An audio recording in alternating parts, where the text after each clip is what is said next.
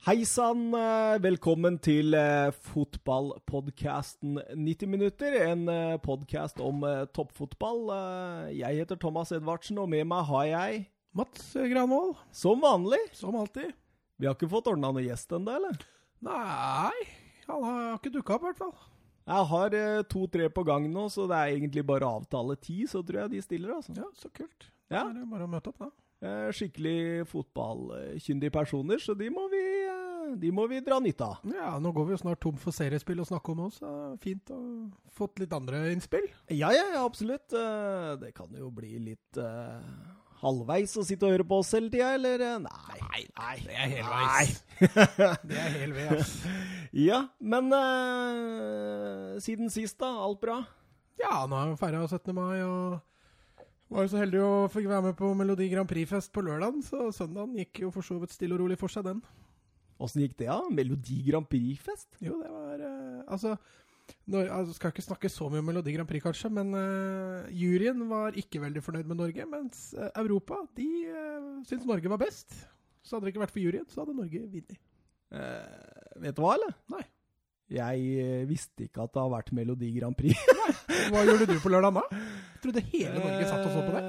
Hva gjorde jeg på lørdagen? Jeg husker, Jeg husker ikke hva jeg gjorde lørdag. Du drakk såpass mye. Nei, jeg gjorde ikke det. Hva er det jeg gjorde på lørdag, da? Nei, jeg tror jeg, jeg tror jeg bare kosa meg med familie og samboere. Ja. dagen etter 17. mai, så skal jeg vel gå an å huske. Ja, det var veldig rolig lørdag. Masse fotball. Ja, du var litt heldigere enn meg. Jeg har fått sett uh, nesten litt dårlig samvittighet over hvor lite fotball jeg egentlig har fått sett i helga. Altså. Ja, så det er, eh, det er jeg som skal dra lasset i dag, altså. Ja, et par kamper har jeg fått med, så jeg skal bidra litt. Ja. Nei, men uh, vet du hva? Jeg, jeg tror uh, vi har uh, sendinga full i dag òg, så jeg tror vi bare kjører. Go.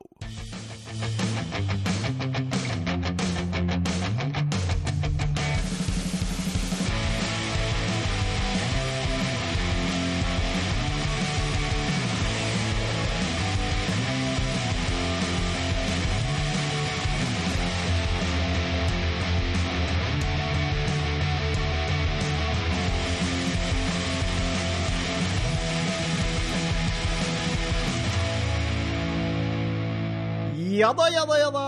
Da var vi eh, klare. Introen er spilt, og alt er på topp. Ja.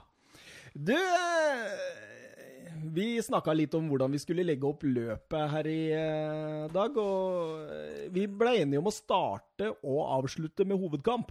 Ja. Følte det var naturlig å avslutte engelsk fotball? Ja, Jo, det blir jo egentlig engelsk fotball i Champions League-finalen nå, nå, da. Jo, men det regnes jo som internasjonal fotball, gjør ikke det? Det, Selv om det er helengelsk. Eh, Det gjør vel det. Eh, Så eh, vår første hovedkamp det er FA-cup-finalen mellom Manchester City og Watford. Ja, det blei jo grei skuring, når man ser resultatet, i hvert fall. Ja, hva tenkte du i forkant? Jeg tenkte det skulle bli grei skuring. Eh, City var, må være, regna med å være skyhøye favoritter. og ja, de innfridde jo så det sang, dem. Ja, eh, Watford har vel eh, heller ikke vunnet på ti oppgjør mot eh, Manchester City. eh, De har slitt litt i Premier League òg, siste tida. ja, det, det går veldig opp og ned med dette laget der. De, eh, de er litt ujevne, for å si det mildt. Ja, Gracia han, eh, han har nok å stri med i forhold til det å holde det stabilt, men eh, på toppnivå er jo veldig bra. Ja, det så du jo. Du så toppnivået deres i kampen mot City òg. De første 20 minutta så sparka de litt fra seg, men eh, Ja, jeg tenker de var best i annen omgang. jeg. Første kvarter i 20 minutter i annen omgang. Jeg syns de la seg altfor dypt, men det var jo kanskje greit. ja, altså de største sjansene til Watford kom i hvert fall eh, i starten av matchen, syns jeg. Ja, men vi kan jo, vi kan jo egentlig bare begynne, begynne, begynne med starten, og ikke begynne å diskutere annen omgang allerede. Eh, ja, City store favoritter. Eh, har møtt eh, Watford to ganger denne sesongen. Eh, vant 3-1 og 2-1 i de to kampene. Ja, Eh, City vant, ja. Ja. Ja. ja, ja. Eh, Watford har aldri vunnet FA Cup-finale noen gang. Eh, City har fem og kunne få den sjette. Har du antall finaler Watford har vært i? Ja? Eh, nei, men jeg veit det at det sist de var i en finale, var i 1984. Da tapte de 2-0 mot Everton. I FA Cup-finalen? Eh, FA Cup-finalen det er jo en av eh, verdens største profesjonelle turneringer, vet du. Ja, jeg vil jo si den cupen, den, hva skal jeg si, den nasjonale cupen, så er det vel den største, hvis du regner alle de nasjonale cupene, tror jeg. Ja, det er 736 deltakende lag. Det er voldsomt. Ja, og tenker også på interesse. Jeg tror vel FA-cupen er en av de med litt større interesse både i England, men også utafor. Ja, ja, absolutt. absolutt. Og City kunne med seier her ta the treble, altså hjemlig treble. Det har aldri skjedd før i liga, ligacup. Eh. Det er jo en liga og to cuper som har eksistert ganske lenge, så det er jo litt rart at ingen har gjort det før, kanskje. Ja, men det er jo Det er, jo, Det er tøft. Ja, det er jo competitive, som de sier. Mm. Ja. Eh, ja, hva, hva Altså, når jeg satt og så på denne kampen, så tenkte jeg jeg, jeg håper det blir spenning lenge nok. Og du kan jo egentlig si at eh, Watford eh, beholdt jo spenningen en liten stund, da. Ja, ja, det var som jeg sa. Altså, de første 20 så la de seg lavt, og de kontra. Og de kontra egentlig veldig bra. Det var det de kom for. Eh, Ja, de skulle ligge tett i boksen. Og så ja, Kan vi si at de gjorde, lå en femmer på midten, eh, og kontra deretter. Dini ble jo ofte veldig aleine, men han er jo et knallbra oppspillspunkt, og sliter jo med å miste ballen. Eh, og når de får fylt på med, med Pereira og Deolofeu, så, så var de vasse på kontringer, altså. Ja, absolutt. Altså, Gracias eh, formål var jo en slags 4-2, men det som du sier, så var Delofeu Han eh, havna jo lenger og lenger bak, egentlig, Ja. og blei nesten en av femmeren på midten der. Og det var, litt, eh, det var litt det som var gangen i det. Ja, og så en gammel helt i mål starta der. Herreli Ja, jeg Gomez. stussa, jeg stussa faktisk litt på det. Nå vet du, har jeg ikke fått med meg, men har han stått alle FA Cup-kampene til Watford? Ja. Ja, Så da var det en lojalitetsplass han fikk der. ja. Jeg tror de kaller hverandre han og Foster. De er visst noe av det bestekompiser, og de kaller hverandre verdens beste keeperduo. Ja. Så er Herreli Gomez har jo vært ute tidligere i avisene denne sesongen og skryter uhemma av Foster og sier han forstår hvorfor han sitter på benken i Premier League. Ja, altså Foster har jo vært fantastisk i år i Watford òg. Men, eh, men eh, også Gomez på sitt beste er jo en eh, fantastisk keeper. Eh, Husker du den PSV-tida hans, eller? Ja, altså han, var jo, altså han hadde jo noen fantastiske kamper i Tottenham òg, men Men der gikk det mer opp Der og ned. Der gikk det veldig opp og ned. Ja. Og sånn at, at uh, En Foster som har vært veldig solid hele sesongen, så forstår jeg også veldig godt at det er han som er førstekeeper. Ja, ja. Og hvis Gomez har stått alle kampene i FA-cupen, så er det jo naturlig at han også får lov til å stå finalen. ja, absolutt. Når man ser kampen Vi bør ikke, bør ikke hoppe fram til slutten, men han gjorde jo ikke noen sånne åpenbare tabber som resulterte i noe stygt. Så. Nei, det er vel kanskje bare 2-0, men det kan vi komme tilbake til. Eh, ja, Watford kom jo egentlig forventa. Det eneste jeg stussa litt på, det, eller stussa og stussa Mariappa har jo tatt den ene stoppeplassen der eh, nå det siste, men jeg syns jo Christian Cabasele er ekstremt mye bedre, egentlig. Ja, de stussa jo også på det i studio, at han ikke starta når kampen altså jeg, syns, jeg tror kanskje han gjorde en feil der. Ja, for Cabasele har jo hurtigheten òg. Ja, så han har jo vært bra, i tillegg til at, eh, tillegg til at eh, Med tanke på hvordan City spiller, og de du så, ja Nå skal vi kanskje ikke hoppe etter andre omgangen helt ennå, men eh, det blei jo voldsomt mye rom etter hvert, og da, da savna de Capacele. Det, er- det er ganske sikker på han gjorde det der. Altså. Ja, eh, City da, de gikk jo ut i sin vante 4-3-3, men eh, Mares, Jesus og Stirling på topp. Altså Aguero og Sané ut av eh, oppstillinga. Ja, altså Sané har jo vært veldig mye ut og unna oppstillinga til City i år. Eh, Aguero derimot var jeg litt mer overraska over at de ikke fikk eh, starte.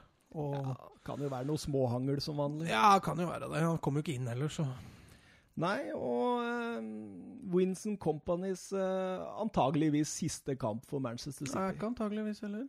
Ja, det er helt sikkert Det er helt sikkert. Han blir hjelpe... Nei, han blir spillende trener i Anderlecht. Oi. Så Det er litt artig. eh, Han er ferdig. Ja. Eller han er ikke ferdig, men Nei, i City er han ferdig. han gir seg liksom på topp på toppnivå. Ja, ja altså Anderlecht kjemper jo toppen i, i Belgia, da, så, men, men europeisk toppfotball så kan vi vel si at han er, eh, er ferdig. Ja. Eh, skal vi rusle over til første omgang? Eh, som vi var inne på, så starta jo Watford med å legge seg ekstremt dypt, og, og eh, var egentlig klar til å bare stå og ta imot, egentlig. Ja, altså Først i 20, som jeg sa, så syns jeg, de, jeg synes de gjorde det greit òg. City hadde vel bare én stor sjanse før de skåra.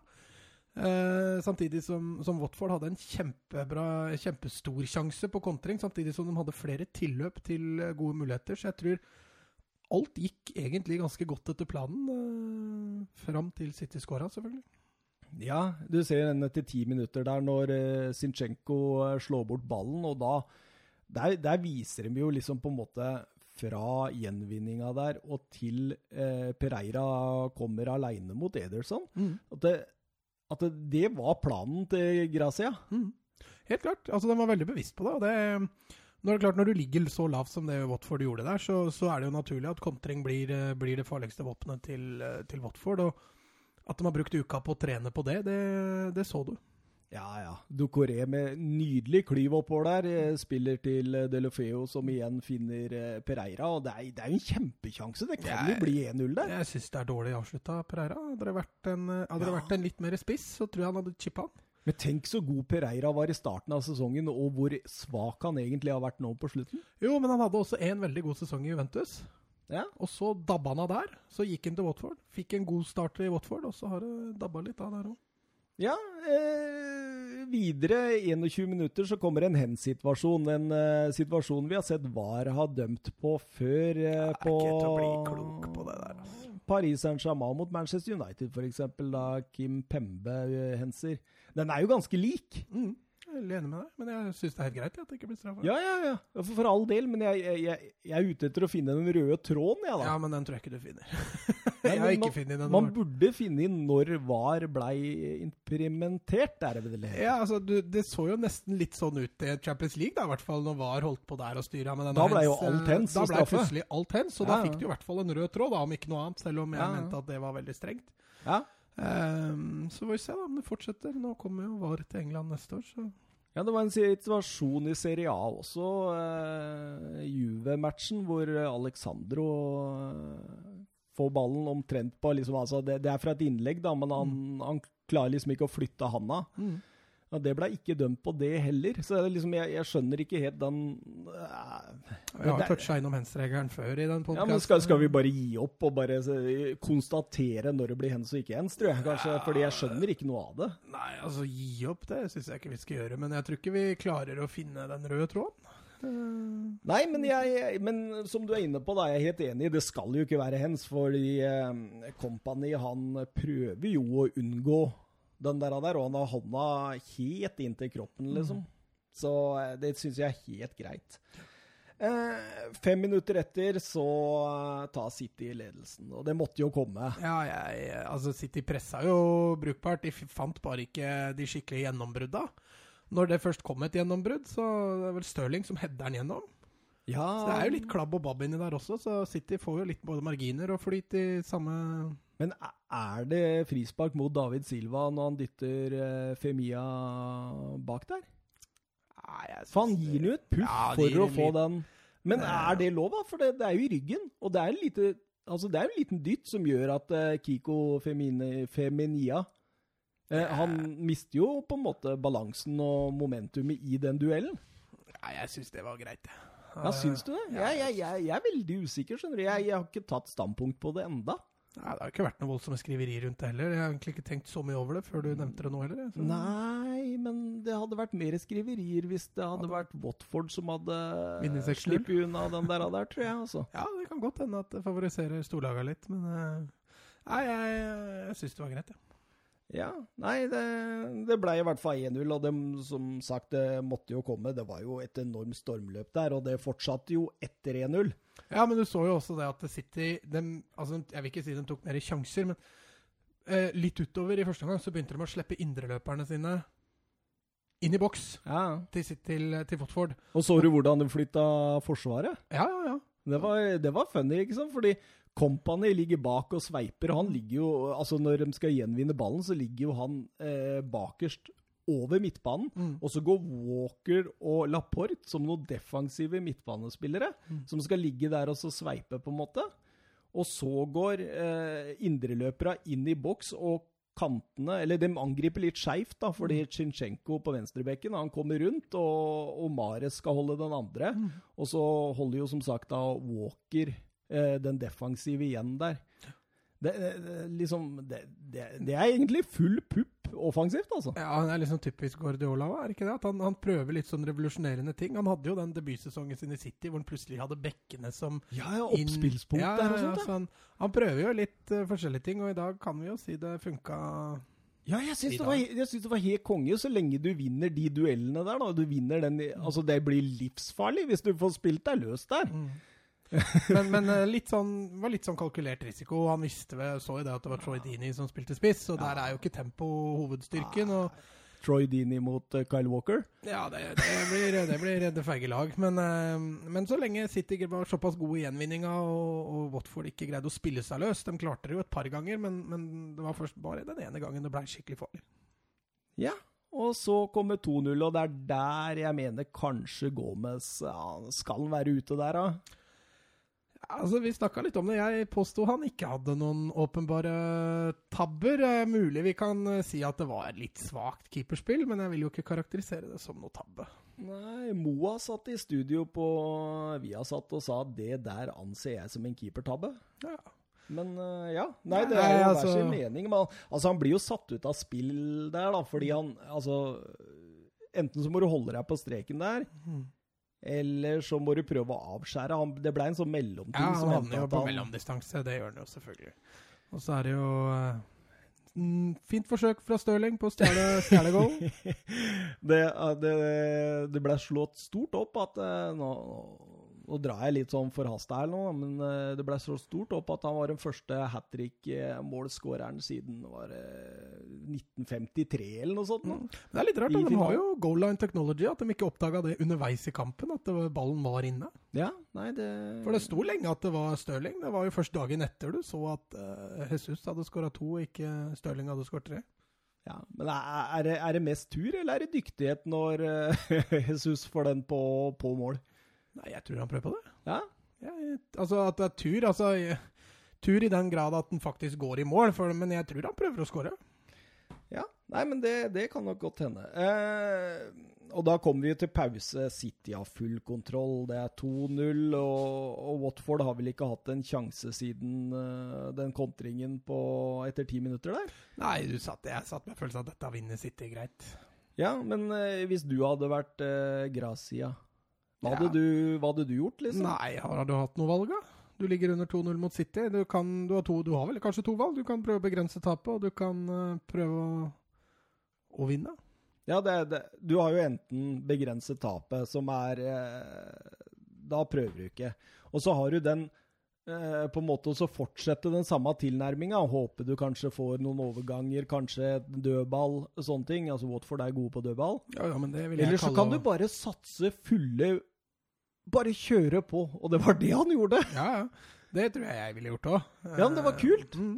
Og det, altså det, jeg vil jo si det fungerte greit òg. City blei ble, ble nok litt overraska, tror jeg. Ja, altså det, det første kvarteret der er mest eh, severdig på hele fotballkampen, faktisk. Ja, altså, da, da vingler det fram og tilbake der, og Watford med litt tur kan uh, få, få et mål der, altså. Ja, altså dem eh, I hvert fall fram til, til De Bruyne scorer, så Jeg vil ikke si det var en åpen kamp. Hadde Watford fått et mål der, så hadde det blitt en åpen kamp. Men, eh, men så lenge City greide å ride av, så Ja, for Guardiola gjør jo et uh, fantastisk bytte, egentlig, der. For han uh, Mares hadde jo ikke vært veldig bra, egentlig. Hadde hatt noen fine ting, men liksom hadde ikke kommet helt inn i matchen.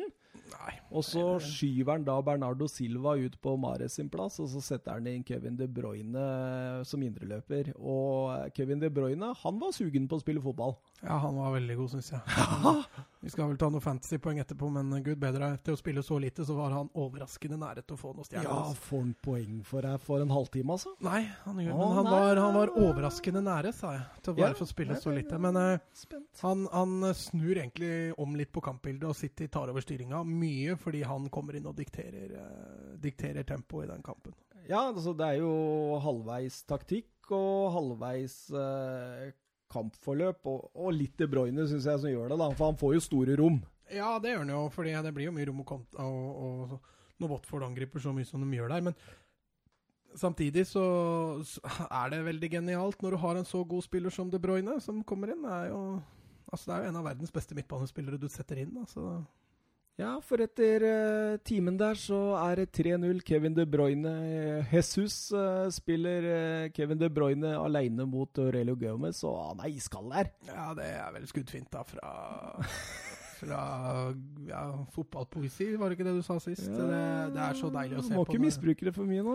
Det var så deilig å se hvordan han får keeperen ned der. Og... Ja. Men han bommer jo på andre touchen sin, ser det ut. Det er nesten så han havner litt i trøbbel der når han skal dytte ballen i mål. Gomez kommer tilbake med ja, dobbel wiener i brød. Og så kommer det ja, han, hadde, han hadde dårlig tid på vei tilbake fra kiosken der. Da, men han hadde, såpa, han hadde for god tid rett og slett til at han ikke kunne skåre der. Ja, Og da sitter du bare og tenker hvor stor vil denne seieren bli?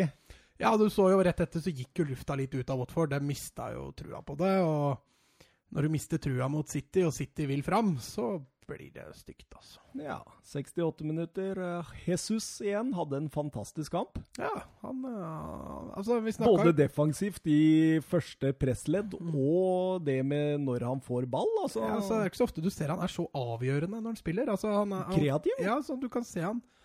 Han jobber og sliter mye, og, og, og, og tar ofte forsvarsspillere med på løpetur, og, skaper sånn sett mye rom både for seg sjøl og for andre. men det er ikke så ofte i år du har sett han være så avgjørende, både med assister og skåringer og sånne ting. Og vi snakka jo forrige episode om hva gjør City når Aguero er, mm. er ferdig. Og ja, jeg syns det er vel kanskje svaret. Ja, men jeg tror eh, Sånn jeg forstår Guardiola òg, så er jo han eh, bombe klar på at eh, Jesus er eh, framtida. Ja, han har jo sagt det. Ja, men, er, men, jeg syns jo ikke han har hatt en strålende sesong. Nei, det er mye skader og sånn. Sånn Absolutt, ja. men han har ikke hatt noe mer enn en OK sesong. Nei, nei, nei, nei for all del, men eh, jeg, jeg, jeg føler vi så toppnivå der. Ja, det tror jeg. Det var fantastisk, faktisk. Og det ble 4-0, og 4-0 blei ble til 5-0 etter 80 minutter der. Da får endelig Stirling målet sitt. ja, på riktig, på ærlig vis, kan vi kanskje kalle det. Ja, eh, og Bernardo Silva han, ja, er, han, står bak mye, altså. Ja, altså, Han spilte jo egentlig høyrekant, og så surra han seg over på venstresida der, og da ble det plutselig farlig med en gang, for da skapte jo City et tre mot én-overtall på kanten. Og, ja, nei, han, er, han, er, han, er, overalt, vet du. Ja, du ser jo hvordan Guardiola også flytter posisjonen hans ettersom laget trenger det underveis i matchen. Mm. Det er jo fra indreløper til høyre kant og litt på venstre mm. kant igjen, og så tilbake som indreløper, som han avslutta med når Sané kommer inn også. Mm. Så det er jo, det er jo en potet. Ja, offensivt så er han en stor potet, og han har jo sagt at uh, Guardiola sa han ikke det tidligere, at den spilleren som er nærmest Messi i øyeblikket, er uh, Bernardo. Ja, han sa det. Mm. Men du ser det på nærteknikken hans òg. Fantastisk nærteknikk. Han, ja, altså, han kan gå av to-tre mann. Og... Bra kreativitet. Men uh, du ser jo også når, når han setter fart der før Stirling uh, scorer altså, Det ser jo ikke ut som han titter opp. Jeg tror han slår det innlegget litt på ja. måfå der. Altså. Ja, Ja, ja. Jeg tror eh, Nei, en fantastisk eh, spiller, Bernardo Silva. Liksom, det er en sånn spiller som jeg liksom har tenkt har ligget litt i vannskorpa, men i år, denne sesongen her, da har han tatt steget opp blant de ypperste, altså. Ja, absolutt. Jeg er helt enig med deg. Jeg syns han har vært uh, en mye større bidragsyter til City offensivt i år enn det han var i fjor, og han er nok mye av grunnen til at Sané har fått såpass lite spilletid som han har gjort. Men uh, nå begynner det å bli så mye mål at du sitter nesten og tenker er det nødvendig å sitte og ramse opp alt dette? Men uh, 6-0, da. Vi får ta det siste også. Uh, Stirling igjen. Heldig og god. Heldig og god. uheldig. Jeg, jeg syns ikke Stirling var så fantastisk god i denne kampen, selv om han er såpass involvert. Nei, altså han, han blir tidvis usynlig, litt usynlig, kan vi si det. Han, ja. han, han, blir ikke så mye involvert som han kanskje skulle likt å være sjøl. Men han, til å være en kamp hvor han har bare OK involveringer, så har han jo to mål og en assist. Altså han, uh... Men der eh, ser du toppnivået til Gomez igjen når han mm. redder det. Ja, absolutt. Men det var litt det jeg skulle fram til. da, at eh, Stirling er både heldig og god, mens Gomez er god og uheldig, så Jeg har forresten skrevet det ned her, jeg ser, Mats. Sist person som skåret hat trick i en FA Cup-finale, han het Stan Mortensen. Oi. Ja, han gjorde det for Blackpool mot Bolton i 1953. Ja. Mm Sist, Stan Mortensen, altså. Sist man skåret hat trick? Ja, siste som skårte hat trick Men det ble blei jo ikke hat trick nå, da. Nei, men det, Å, ja. men det Ja. blei jo diskutert om Mm. Stirling hadde hat trick eller Ja, ikke. riktig. riktig. Ja. Um, men FA ga jo målet til uh, Jesus. Vel- så han blei fortjent. tomålsskårer, han også. Eh, Det blei også, med 6-0 her, så blei det tangert eh, største FA Cup-seier siden FA Cup-finaleseier siden 1903. Da har du vel den kampen nå, da? Ja, tør du tippe? Ja, det blei vel 6-0, da. Ja, men jeg tenker på hvem, hvem som møter hverandre. da. Hva, sa du årstallet var? 1904? 1903. 1903, oi. Er det bare Det, det blir jo jein tipping. Ja, men, da, men det er ikke noen av de store lagene som er der i år? Nei. Nei, nei, ikke i Premier League, nei. Nei, så du må liksom ned på Bristol uh... Ja, du er, du er inne på noe, liksom. Det ene har muligens uh, har, har faktisk mulighet til å rykke opp til Premier League denne sesongen. Altså det er Derby Aston Villa Aston Villa, da. Nei, Der Ah. Derby. Ja. Og hvem møtte Derby? Uh, Sheffield. Uh, Bury. Bury. Og Bury vant 6-0. Oi, oi, oi. Eh, 7-1 i store sjanser er skrevet til City når jeg satt der og streka under eh, notatblokka mi. Hva sa du for noen mange sjanser? 7-1, sa jeg, Ja. i store sjanser. Jeg eh, telte 23-11 i skudd på mål. Eh, og det Fotmob mål? eh, nei, eh, Avslutninger, tenker du på. Avslutning Ja. mot mål, ja. Og Fotmob er ganske enig med meg. Jeg tror de hadde 22-10 eller noe sånt, så det er ikke så langt unna. Ja. Um, ja eh, Skal vi kjøre fantasypoeng, eller? Det kan vi gjøre. Vil du jeg skal begynne, eller skal du begynne, eller? Jeg syns det er veldig artig at du begynner, så kan jeg begynne i neste hovedkamp. Ja, det er greit. Jeg kjører tre stjerner til Jesus. Jesus. En av de bedre kampene jeg har, uh, har sett han i år, og han virka jo veldig spillesugen. Mm. Eh, Bernardo har fått uh, to. Mm. Og så, som sagt, én stjerne var jeg veldig i tvil om lenge. Uh, jeg var på De Bruyne, faktisk. Jeg, eh, eh, jeg var innom Stirling, og jeg var innom, eh, jeg var innom flere. Men eh, det falt på Stirling, i hvert fall, som fikk en stjerne. Det er samme som meg! Ah, det er akkurat samme. Jesus, Silva og Stirling. Eh, Forresten, eh, så du diskusjonen mellom Stirling og Guardiola etter matchen der? Eh, Eh, nei, jeg så den ikke. Jeg hørte bare du fortalte Ja, ja. Det. Skal visst ha vært litt sånn eh, at eh, Pep har gitt eh, Stirling beskjed om at du prøver ikke å stjele mål fra lagkompisene dine. Nei, og det er jeg helt enig i. Mm. Makan til oppførsel. Og eh, Gracia etter kampen, han var jo en slagen mann. Han, eh, han påsto at de eh, Pereira burde satt eh, 1-0 der, og da hadde de hatt en relativt stor sjanse. Når det ikke det skjedde og City tok ledelsen, så var det nærmest umulig, antyda han i post-match-intervjuet. Ja, altså Jeg tror 2-0 også var en liten blå for dem. For de kunne, hadde de gått til pause med 0-1, Ja, ja. Så hadde dette kunne kanskje hatt en litt annen inngang i andre omgang. Jeg tror de hadde gått så offensivt ut Nei, da tror jeg ikke de hadde gjort det. Nei. For da, de ikke, da kunne de venta lenge. Jeg også som trener har gjort det før. og jeg husker vi spilte med én mann mindre og, ta, og lå under 1-0 til pause. Og så var vi enige om at eh, nei, vi kjører på, vi spiller defensivt. Vi holder den eh, avstanden. Og så siste ti minutta så gønner vi på. Ja. Og det tror jeg, hadde, tror jeg kanskje også Grassi hadde gjort. Hvis, han- men på 2-0 så må du framover. Ja.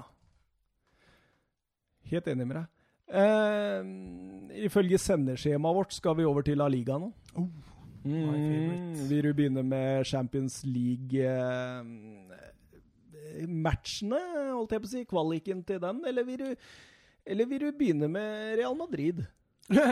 du, du, du sa det, så jeg skjønner at vi må ta Real Madrid. Ja, det, det var liksom ikke bare på grunn av Det var litt på grunn av Betis òg, at eh, Altså, de spiller en så artig, artig og optimistisk fotball. Da. De er så optimistiske på egne vegne. Mm. Altså, du drar til Santiago Bernabeu, og du spiller jo som du skulle gjort hjemme i hagen.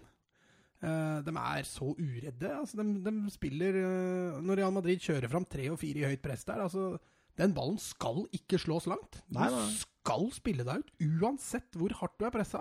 Uten at du egentlig har Altså, det, det, er, det er ikke Barcelona-spillere på dette Real Betis-laget. Nei, definitivt ikke. Altså, du har Bartra, da, tidligere Barca, men uh, altså, han Fadal bak der, han, han er jo egentlig helt håpløs med ballen. Han Mhm. surrer den jo bort flere ganger. Men vet du hva jeg liker på Betis? Få høre. Han der har Firpo, er det det han heter? Ja, han er helt nydelig. Ja. Junior. Ja. Eh, han også er jo linka hit og dit, så han ikke sikkert han, Han, spiller i han Betis. syns jeg hadde eh, kvaliteter, altså. Altså, De har jo to veldig aktive wingbacker. De spiller jo denne 3-5-2-formasjonen Ja. som vi snakka om sist, som starta Mm. i Serie A for et par år siden. Og Kiki Setien er jo Det er kult, kult navn. Kike Setien. Kike Setien. Går han til Barca, eller? Ikke i år, tror jeg. Nei. Jeg tror jeg er redd Valverde får fortsette. Jeg har hørt noe sånne De har sagt sånne ting som at han spiller mer Barcelona enn Barcelona. Ja, altså, altså filosof, filosofien hans er jo veldig ballbesittende fotball. og jeg hørte kommentatoren sa det så fint under, eh, under kampen eh, mot Real Madrid at det er slitsomt å være spiss for Betis, for du får veldig få baller å jobbe med. Mm. Ballen er stort sett uh, i laget, og gjerne litt lengre bak på banen. Og det så du jo også i den kampen mot Real Madrid, at uh, possession var jo skremmende mye høyt for uh, Betis kontra Real Madrid. Altså. Men se på den midtbanen til Real Madrid. Og der er Valverde, Jorente og Modric. Det er ikke kvalitet, altså. altså Modric har ikke hatt en god sesong. Nei, og så snakka vi jo litt, har vi nevnt før, at uh, Er han ferdig?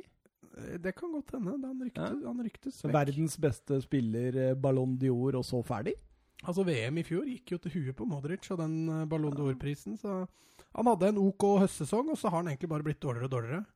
Men, men Zidane har jo, har jo eksperimentert veldig etter at han tok over. Og du ser jo Kroos sitter jo på benken, Bale sitter på benken, Ascencio Asensio sitter på benken. Altså Han sitter med mye krutt på benken nå, da. Eh, Hørte du hva han sa om Bale?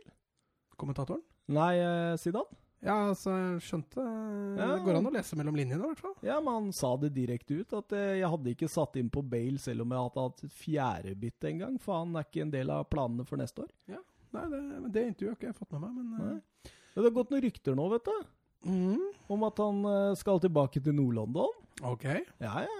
Det, Arsenal eller Tottenham, eller? Nei, du Han eh, Ryktene tilsier eh, det at eh, han skal komme på et års lån hvor lønna blir delt 50-50 mellom Real Madrid og Spurs. Det vil jo i så fall være en så god avtale at det tror jeg ikke kommer til å skje. Ja, men det er vel noe penger òg. Jeg tror det var en sånn at totalpakka ville komme på 300 millioner for Tottenham for å ha Bale der et år.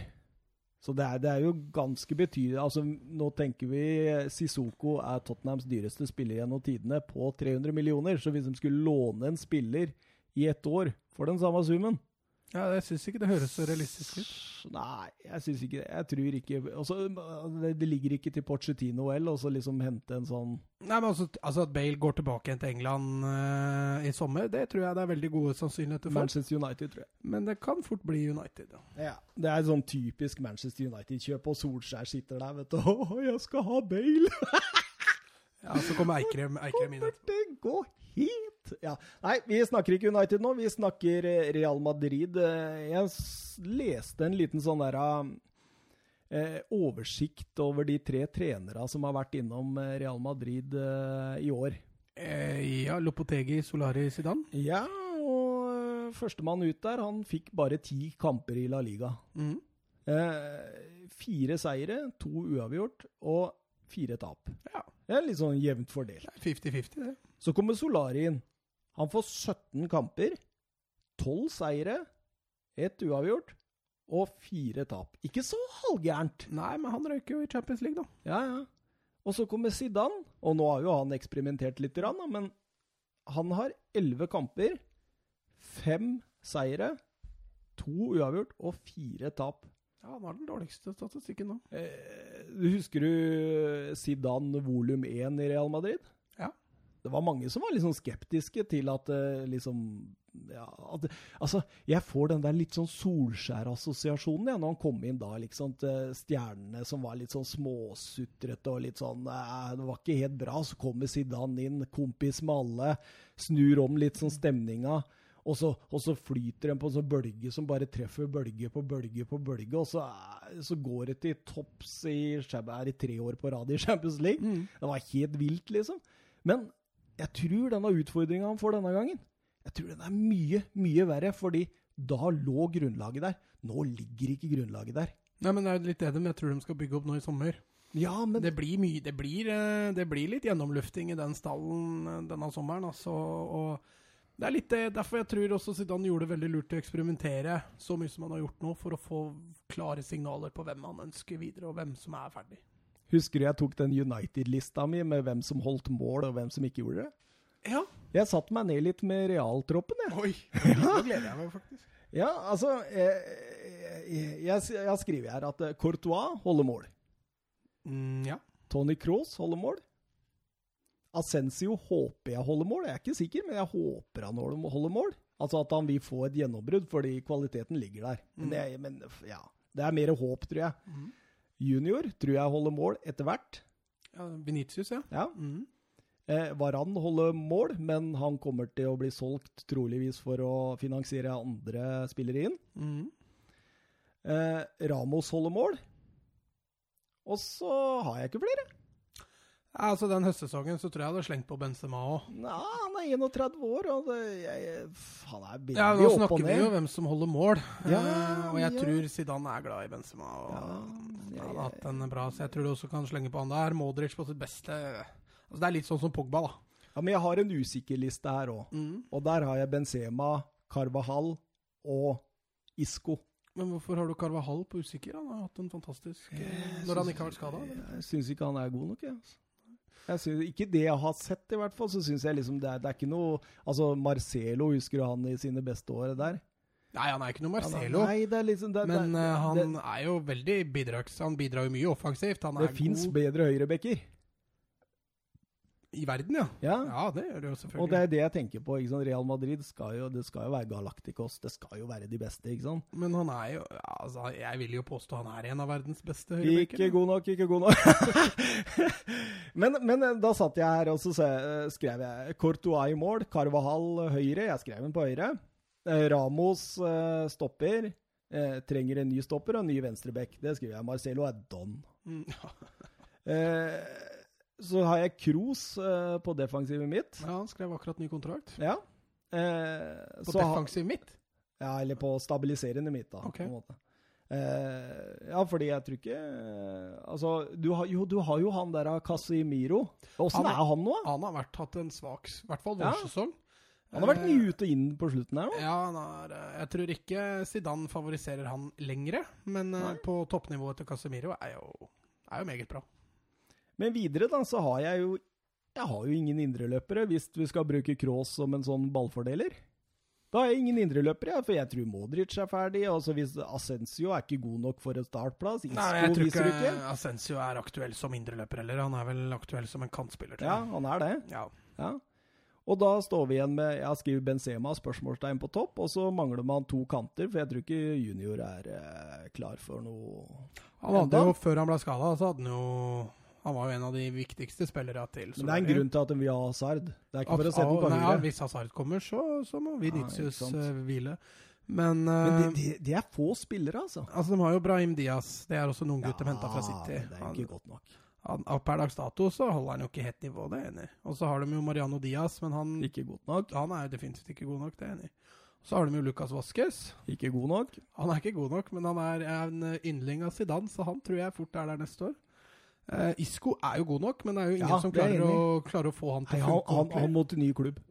Og så har du jo Fede Valverde. Han har vært uh, tidvis god, Ikke, ikke god nok. men han har ikke et stort nok navn, tydeligvis. Nei, ikke god nok. Uh, så vi ser bak der, så har Nacho Fernandes vikariert når både var I hvert fall ikke god nok, det jeg har sett av han. Han holder ikke nivå. Så ser du Regilon, som har vært innom når Marcelo satt lenge på benken. Og han også Mm. hadde jo viser jo tendenser til at, at det bor noe der. Og, og, altså var jo litt det som var planen til Lopotegi òg, tror jeg. At de skulle kjøre et lite generasjonsskifte. De skulle bruke flere egenutvikla Mm. spillere. Og så har veldig få av de klart å slå gjennom. Og så sitter de der nå og lurer på hva i alle dager er det vi har driti oss ut på nå. Med en tredjeplass i La Liga. Eh, røyk i eh, semifinalen mot Barca i Copa del Rey. Eh, røyk i åttendelsfinalen mot Ajax i Champions League. Og det blir jo en utrolig grå sesong for Real Madrid. Tror du Florentino Perez sitter med en sigar og en whisky og sitter og regner tall og tall og tall og tall nå for å se hva han kan få inn uten å få Fifa Financial Fair Play på banen? Ja, det gjør han. Det, det, det tror jeg de har snakka om lenge allerede òg. Fordi jeg tror Altså, for at Zidane skulle komme tilbake til Real Madrid, så var det noen som måtte svelge en kamel, i hvert fall. Og det Mm. tror jeg var Perez. Eh, og at eh, Real Madrid skal ut og handle i sommer, det er ingen hemmelighet. De har jo allerede henta en spiller. Ja. Eh, Militao fra Porto. Jeg vet ikke om du fikk sett han Ja. blant annet når Liverpool spilte mot ham. Jeg syns han så veldig Ja, lovende jeg ut. Veldig lovende bra, ut. bra, altså. ja. Men det er Eh, forskjell på å spille i Porto og Real Madrid. Å Oh, ja, definitivt. Men han møtte jo Liverpool, da. ja. Så nei, jeg tror det var et godt førstekjøp. Og så får vi se, da. Det er jo rykta Hazard, eh, Mbappé, Mm. Pogba Så det er jo mange store navn. Ferland Mendy. Og mye franskmenn. Ja. Ndombele. Fantastisk midtbane. Det skal vi snakke litt om hvis vi får tid etterpå. Men uh, Ja, nei eh, Og så er Varan kanskje forlater. 500-600 millioner. Ødegaard til Ajax 200 millioner. Ja, altså Bale, da. Bale ja. Ikke, jeg tror ikke de får solgt den. Det blir lån. Ja, ja, Vi får se hva United er villig til å punge ut. Det er så høy lønn, vet du. Men eh, nei, altså Han er god, vet du. Jeg satt bare og kosa meg med målet hans mot Liverpool i Champions League-finalen her om dagen, faktisk. Mm. Det var liksom Det var en fra jobben som er stor Liverpool-fan, så jeg hadde den klar. Men eh, nei, altså, jeg tror eh, Altså, Bale på sitt beste er jo en, er jo en fantastisk fotballspiller. Ja, ja, er liksom ikke så mye å lure på det, men han har jo slitt mye med skader. Jeg tror kanskje det er et lite kultursjokk for han å gå fra Premier League til Real Madrid. Og han har ikke greid å bli varm i trøya. I tillegg så har jo publikum begynt å venne seg litt mot den. Og... Nei, han er, han er nok ferdig i Real Madrid. Vi får uh, følge med videre i Real Madrid utover sommeren. Og så uh, Jeg blei litt overraska her, fordi jeg så på en liste toppskårere i La Liga. Og, og Messi, da, han hadde jo to, to igjen eh, nå i uh, helga. 36 totalt, da. Ja. Eh, Suárez og Benzema ble vi enige om forrige gang. De skårte jo ikke noe mer, så de sto på 21. Mm. Men eh, fjerde- og femteplassen, Mats. Quiz. Hvem eh, er det? Ah, jeg burde ha forberedt meg.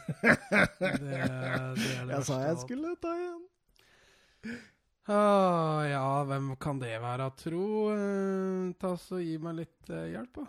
Ja, altså no, no, eh, Gammel Liverpool-spiller. Ja, ah, Jago Aspas, selvfølgelig. Ah, den var lett. Eh, og så var jo Han har 20 mål på 27 kamper. Det er ikke dårlig. For, altså Celta Vigo de, de ligger rett over streken, de. Ja, men han, altså, I tillegg til at han har vært mye skada òg. Altså, Ja, han har Aspas 27 er- kamper. er Han har nesten ett mål per kamp. Ja. Han, sånn. Det er helt nydelig. men, Altså- men nummer to Nei, nei, nummer fem, mener jeg. Ja, jeg står mellom to stykker. Enten så er det Inglesias fra Spanjol, eller så er det Stuani fra Girona. Ja, det er Stuani, gamle Middlesbrough-legenden, holdt jeg på å si. Jo, men han har jo blitt en uh, anerkjent spiller i La Liga, han. Så, og så i tillegg så ble skåret masse mål for et lag som rykka ned. Ja, det, det, det er det jeg tenker. Det var derfor jeg tok det med. da. For jo fjerde- og femteplassen på toppskårerlista er fra lag rett over streken og rett under streken. Mm. Og der ser du jo mye av hovedutfordringa til lagene som ligger rett under Real Madrid, Barcelona, Mm. Atletico Madrid. De mangler den målskåreren. Ja, nå har det blitt mye Real Madrid her. Eh, Skal vi kjøre litt på med lagene rett under Real Madrid og gjengen? Ja, det kan vi gjøre. Valencia de eh, gjorde jo eh, grei butikk, dem. Ja, de måtte Eh, vinne. De måtte vinne. Og da ble det Ja, da for å garantere For å få det safe, ja. Ja. Og det gjorde de jo Jeg vil si det var på imponerende vis, ja. Eh, De møter et lag riktignok som ikke har så mye å spille for. Men eh, Valencia gjorde jobben litt sånn som vi skal egentlig se Dortmund. Jeg vil si faktisk kategorisere litt i samme som Dortmund, hvor de sliter lite grann, men Og så fikk de jo Garay ute der òg. Det er jo lim i midtforsvaret. I et allerede litt sånn vaklende midtforsvar, egentlig. da. Gabriel Paulista der og Ja, vi snakka litt om det etter Europaligaen, at det er jo det defensive Det er der det skorter. Det er der det er eh, mye kål i Valencia. Og, men altså, Diakoby og, og Paulista de, eh, altså, de, de surrer litt i den kampen her òg, men det får ikke noen konsekvenser. Og en for, en, I mine øyne en fortjent seier til, eh, til Valencia. Jeg syns Valencia er litt kule, jeg, med Gedes og Soler på kantene der. Og jeg, jeg, jeg har blitt egentlig veldig fan av han uh, Marcelino. Uh, Ja, altså det, treneren er for så vidt greit nok, han, men jeg tenker mest på han spissen, vet du, han Rodrigo. Ja, ja. Han syns jeg han jobber knallhardt hele veien. Men han også, ble ikke han toppskårer i U19-VM? Eller EM? Jo, for han har noen sånne U-kamper for Ja, Spania. er, jeg mener å huske han Men var han ikke over i Benfica òg? Jo, han ble Ja. henta fra Benfica. Benfica har hatt mye gode spisser. Ja, Uh, nei, han, han er uh, fantastisk. Og i, i, jeg tror han fungerer aller best sånn som Marcelino bruker nå, hvor han er i tospann med, med en litt mer forward-type. Uh, Men det blir ikke Gameiro. Nei, denne gangen ble det ikke han. Ja, men han sitter mye på benk, han. Ja, vi snakket jo om det sist òg. Selv om han er Jeg, jeg syns han er god, jeg. Men Santimina fikk jo sjansen nå. Han var bra, han òg. Ja da, jeg, er ikke noe utsett. Altså, han har tre veldig gode spisser, eh, Marcelino, å velge mellom. Mm. Og så har han litt, tre litt sånn forskjellige spisser. Så Ja. han har satt seg selv i en god posisjon der til å kunne variere litt i hva, hva slags valg han bruker på topp. Men uh, du ser, som, som vi snakka om, uh, ingen av de spissene til Valencia i år har bøtta inn mål. Det er Mhm. ikke, de har ikke noen sånn klar toppskårer. Og i likhet med å få inn noen forsvarsspillere, så er nok eh, angrep en, en målskårer på mm. ønskelista til Marcelino i sommer. Altså. Og eh, 1-0. eh, Carlos Soler sitt andre mål i La Liga. Ja, sitt andre mål på to kamper. Ja. Han våkna, våkna i tide. seint, men godt, eller seint, men altfor seint. Jeg veit ikke. Ja, vi nevnte jo han i forrige episode òg. Eh, eller i Europa League-episoden. Jeg, jeg, jeg syns han er veldig god, skjønner du. Han, eh, men i fjorsesongen så hadde han en veldig god sesong, Ah. og det var interesse rundt han i fjor sommer. Mm. I år så har han jo vært en del skada. Han ah. har brukt litt tid på å komme seg tilbake i form. Og jeg tror det var veldig bra for Valencia, og egentlig for Soler, for da blir det nok litt mer ro rundt han i sommer, og at han får enda en sesong i Valencia hvis han greier å holde seg Men så, så du det forsvarsspillet, da? Ja, På begge måla, Ja, egentlig, til Valencia, så er det jo er litt klovner i kamp. Det er jo helt vilt, faktisk. Han der har 2-0-målet til eh, Rodrigo der òg, han Alcaraz. Altså, han orienterer jo seg ikke i det hele tatt før han uh, mottar den ballen fra keeper. Liksom, han aner ikke hva som er i ryggen på han. Han kikker ikke opp, han kikker rett ned. Uh, og i tillegg da, så bruker du litt tid med ballen, så blir det vanskelig. Ja, nei, men uh, det var jo Det var jo en grei Valencia-seier, det. Og de og, og så lenge Valencia vant, så forsvant jo spenninga om Champions League-plassene. For Ja. de var jo bedre innbyrdes enn Getafe også. Ja, altså, som vi snakka om sist, jeg syns egentlig det er greit for spansk fotball at det er Valencia som tar den plassen. Eh, De er det fjerde beste laget i La Liga i øyeblikket. For Getafe på femte der, det er det motsatte av Barcelona Tiki Taka. Ja, de, det er mer, mer beinmurbrekker-typer. Jeg flirer, altså. Jeg satt og fulgte med på Anera Molina under den matchen der. Det er 125 innsats for å være litt Paradise Hotel her. Ja, ja, ja, han eh, Men, men Og det er hvelving og dytting og sparking og krangling. Men det er jo sånn han er som spillertype òg. Men han hevder seg jo på den måten også. Og det Nei, altså, jeg har litt satsen for Han er jo såpass gammel også at han må, han må jo ta det igjen etter ham. Men uh, Haime Mata, han var tilbake igjen. Ja, han uh, hadde jo en veldig frisk tidligere i sesongen, så har det stoppa opp litt. Altså. Ja. Men uh, han viser jo litt hva han kan. Ja, absolutt. Eh, Jeg synes, når jeg ser eh, Getafe via Real der, så Så eh, En jeg la veldig merke til, det var han Portillo. Han Mm. som eh, Så sier kommentatoren underveis at eh, han har vært veldig mye inn og ut av laget, men når han er på laget, så gjør han det alltid bra. Ja, han sa det, han kommentatoren. Ja. Jeg, jeg tenker liksom det at eh, det- For han var god.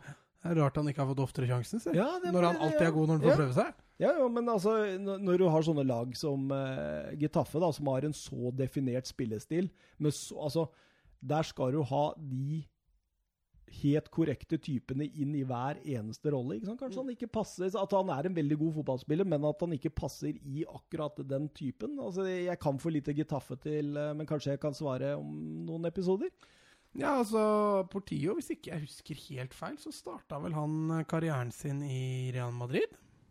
Ja, han gjorde det, ja? Eh, han eh, Ja, for jeg husker han fra Championship Manager eller noe sånt, eller Football Manager. Ja, nå tror jeg ikke jeg husker han er derfra, jeg, men han, han gikk vel fra Malaga når Malaga rykka ned til, til Getafe, og at det var en stor signering for, eh, for Getafe. Det var det jo utvilsomt, for han er jo han er jo en god fotballspiller, og Nei, jeg er enig med deg. Jeg har litt sansen for ham. Og så er han litt sånn annerledes type enn resten av Ja, det er Getafe-laget. sikkert derfor han ikke får spille ja, det var litt det jeg skulle fram til. At det er Mm. mulig derfor han også ikke får uh... Sikkert ikke så arbeidsom defensiv, kanskje, eller et eller annet sånt som gjør at, eh, at treneren ikke Men nå har jeg vært inne og titta på profilen hans, og han har ikke vært i Real Madrid. ah, Men det er en annen Portillo som har vært i Real Madrid? Ja, det, jeg tror det. Ja. Jeg er litt usikker på hvem nå. Han har vært i Betis. Ja. Eh, ja, så dem eh, Portillo sender jo Getafe i ledelsen 1-0 der ganske tidlig i kampen, og der er det ganske stort håp. Eh, Valencia har vel fortsatt ikke skåret målet sitt, og det er litt sånn tro på det. Mm. Eh, de får også 2-0 annullert eh, med VAR. Mm. Det er en offside eh, på Mata i forkant av Det er litt synd at det er VAR òg, for da får ikke vi noe å diskutere. Nei, det, det, det, for det var jo offside. Ja, det var jo jeg, offside. jeg, så det ikke når det skjedde. Jeg tenkte først det var den der kollisjonen med keeperen der. jeg. Eh, og istedenfor å gå opp til 2-0, så kommer en gammel eh, Premier League-kjenning fra i fjor, Iborra. Ja, han har hatt mange gode sesonger i La Liga, han. Ja, han, eh, Men han har gjort en- han hadde ikke mange gode sesonger i Premier League. Nei, men, det eh, er helt riktig. Men eh, altså knallsterk i lufta der. Ja, altså han, han er jo fysisk robust type. eh, og han har kommet inn og gitt Viareal litt ny giv. Mm. Mye av grunnen, eller litt av grunnen til at Viareal har gått fra å være på nedrykk til å være på den riktige sida. Man trenger uh, via i La Liga. Ja, det syns jeg absolutt. Den Husker du gule, Rikelme og den der uh, tida der? ja, Gulubåten. Åh, Og så pluss at han får Yellow Submarine. Det var vakkert. tar helt feil, så er vel Petter Wæland via Real-fan, så der får jo han litt mindre entusiasme. Ja, jeg har alltid trodd han var Barcelona. Ja. Han snakker det er vanskelig ikke snakke bra om Barcelona, men, eh, men han eh, Jeg har sett utallige diskusjoner på Twitter hvor folk beskylder han for både å være Real Madrid og Barcelona-fan, så ja. Nei, jeg tror han er Ja. Real-fan, hvis ikke ja jeg tar det. jeg syns jeg har hørt det sjøl. Ikke Real med via Real. Mm. Ja, ja. Eh, 2-1 der eh, til Petter Velands eh, store skuffelse. Maksimovic, og det var et fint mål. Ja, for fint treff. Ja, men det, er- det er godt tima, altså, Mm. når du liksom kommer inn i, i og bare header den bort til lengste der. Det er nydelig tima, altså. Absolutt. Eh, men eh, de, de veit jo på dette tidspunkt at Valencia leder. Ja, altså så er det jo litt sånn Valencia leder 2-0. Eh, 2-2, og så veit ikke Taffe det at på 2-2 så, så vi, ligger vi fortsatt på femteplass. Eh, vi er bedre enn Sevilla på innbyrdes. Så når Villarreal får den 2-2-skåringa der altså det, det virka litt som Jeg vil ikke si de hadde gitt opp, men eh, ja. Jeg har notert én ting om den 2-2-skåringen. Det står himmel eller helvete på en gang. Fordi den redningen til Soria der, Mm. og hvordan han kløner det til to sekunder etterpå, det er fra himmel til helvete, altså. Soria har egentlig også hatt en god sesong. Han har hatt mye matchvinnende redninger, han òg. Ja, men det er bra. Absolutt. Eh, hva mer eh, La Liga skal vi ta, Mats? Du som er eh, Skal vi komme inn på dette med at Sevilla fortsatt hadde en bitte liten sjanse, men Men altså, det var en ganske sterk seier av Sevilla. Jeg vil jo si det var den beste kampen de hadde på slutten. Eh, et Bilbao-lag som kjempet om Europaligaplass, eh, og som har hatt en fantastisk vårsesong etter at Garitano tok over. Eh, et Sevilla-lag som har prestert ekstremt ujevnt eh, de siste kampene, og spesielt etter at Banega ble suspendert. Banega var jo fortsatt suspendert, men eh, Sevilla Hvor mange kamper fikk han? Jeg tror han fikk tre, eller fire. Ja, ja. Litt usikker. Men uh, nå har han jo sona tre, da, så får vi se om han starter første seriekamp etter, uh, etter pausen. Men Champions League glapp for Sevilla, og ja, dem redda i hvert fall uh, Europa League. Ja. Eh, mens jeg eh, finner litt frem i notatene her, så har du noe mer du skal si om La Liga før vi hopper videre til Serie A? Ja, ikke sånn overflødig mye. Vi kan jo, kan jo nevne at Messi skåra to nye mål, og Barca klarte hele 2-2. De er ferdige, Borte mot Eibar, så der er nok uh, tankene på Copa del Rey-finalen neste helg. Men eh, en kamp der jeg, Barcelona mangler jo både Suárez, Dembélé og Coutinho med, mm. ute med skader. Ja. Eh, så der var det jo Messi som rett og slett måtte stå fram, og det, det gjorde han jo for så vidt også. Ja, nei, det, de, de, det er- blir jo litt som Juve, ikke sant? Juventus og litt sånn at det, du er litt ferdig. Altså Du mangler jo det siste 20, 20 du mangler de siste 10 prosentene til å vinne sånne kamper. og Mm. Det er klart Hadde Barcelona spilt om et seriegull der, så, så tror jeg de hadde hatt et gir til å spille på. Altså. Men, eh, men det var veldig gøy å se på Eibar òg, den genuiniteten de har der når de vinner, eh, når de skårer mål. Og det 2-2-skåringa til Eibar der, det er eh, en estetisk nytelse å se den, uh, den avslutninga. Mm. Det er litt gøy, hvor det ser, ser, det ser nesten ut som spillere krangler litt om, eh, om hvem som skal få lov å skyte, når Sillesen er litt ute og, og sykler der. Og, Ja. Uh, blir Blasis der som, som tar avgjørelsen, og, og, det er en herlig hva skal vi si, haltliggende ristavslutning Ja, som får den underskruen, som Ja. får den bøyen over keeperen. Det, nei, det var nydelig å se på. Kan jo også nevne at det var Cucarella, som, eller Cucareia, som uh, skåret 1-0. En spiller Barcelona, som er Barcelona-spiller. Ja. ja, men det, det, det er jo eh, Det er jo storsinnet å la motstanderen få uh, bruke disse spillerne mot seg sjøl. Jo, men litt av greia der Nå, nå var jeg litt usikker på reglene, men han er leid ut fra Barcelona B. Ja. Han er jo ikke leid ut fra Barcelona sitt A-lag. Og da veit jeg ikke om de reglene gjelder på samme måte. Nei, jeg veit ikke, jeg veit ikke. Um, ja. Da får vi vel gratulere Valencia med den siste Champions League-plassen. Tar følge med Barcelona, Real Madrid og Atletico Madrid til Champions League og blir da Spanias eh, representanter. Ja, det stemmer. Det er fire gode lag. eh, Prikk. Ja, det er vel kanskje de fire beste. Eh, Ja. eneste laget som kunne surra seg inn der, var vel Sevilla, tror jeg, som har en bra stall. Og når alt kommer til alt, så tror jeg Getafe er fornøyd. Det er femteplass. Det, er- det, hvem skulle tro det? Mm, absolutt. En femteplass der er jo over all forventning. Og så er det vel Español som tar følge som siste lag i Europa League. Eh, Du, vet hva? Jeg har blitt, jeg har blitt helt betatt av en defensiv midtbanespiller på Espanol, men jeg husker aldri hva han heter. Roche, Roche, Roche? Et eller annet, hva hva er det han heter? Han, han er helt rå. Og, og, og jeg veit kanskje det at jeg, jeg eh, burde egentlig ikke like han, for jeg liker jo ikke Sergio Busquets. tenker, Nå, ikke noe voldsomt, men han tenker er på Roca, eller? Roca er han er fantastisk spiller, altså. Mm. Så uh, Elegant. Han, han, han, ja, og liksom på måten han stabiliserer eh, midtbanen der og De har jo flere bra, altså dype midtbanespillere. De har jo også Victor Sanchez, tidligere Barca-spiller, og de har eh, de har Granero, tidligere Real Mm. Madrid-spiller, og Sergi Darder, ikke minst, som, som i mine øyne er litt undervurdert. Så nei, Mm. Spanjol skal du ikke kimse så mye av at de får prøve seg i Europaligaen. Er for så vidt eh, kanskje på sin plass, selv om jeg syns det er litt skuffende at verken Betis eller Bilbao, som eh, Åssen er temperaturene på eh, Barcelona-derby der? Mellom Barcelona og Spanjol? Er det Ja, altså Det har blussa, blussa, blussa ned, det er vel ikke noe som heter, men det har roa seg litt. Det var jo en periode der hvor Laporta, som var president i Barcelona, gikk ut og sa at Spanjol egentlig ikke tilhører Catalania. Mm. eh, Fordi de hadde flytta hjemmebanen sin ut av Barcelona by. Ja. Ja, Og da var det ganske mye hat en periode. hvor det... Men nå virker det som det er litt roligere igjen. Spanjol er vel forlikt med at de ligger både to og tre klasser under Barcelona. og Men det må jo ligge noe der, fordi Pochettino, som er spanjolmann, han har jo sagt at 'jeg kommer aldri til å trene Barcelona'. Jo da, og jeg tror nok, men jeg tror nok kanskje hatet er litt større fra Spanjol sin side. Ja. Litt sånn Eh, ja, litt- Westham mot Tottenham. ja Ja. Du ser litt opp, og du ser litt ned, på en måte. ja. Um, så Nei, uh, absolutt gøy at Spanjol får prøve seg i uh, Europaligaen. Serie A. Vi må bare gå videre der. Nå er det på. 57 minutter, og vi er sånn cirka halvveis. Ja, så vi er Det blir ikke 90 minutter. Nei ehm, Ståa i Serie A, Mats, den eh, Der er det jo ikke avgjort. Ble ikke så mye klokere etter den runden her heller, faktisk. Nei, man blei ikke det.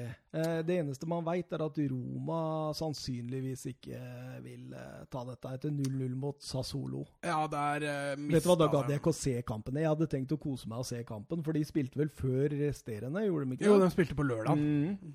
Så jeg tenkte jeg skulle se den, og så så jeg 0-0, og ingen Nei, vet du jeg gidder ikke å se Ranieri litt sånn halvveis eh, destruktive fotball.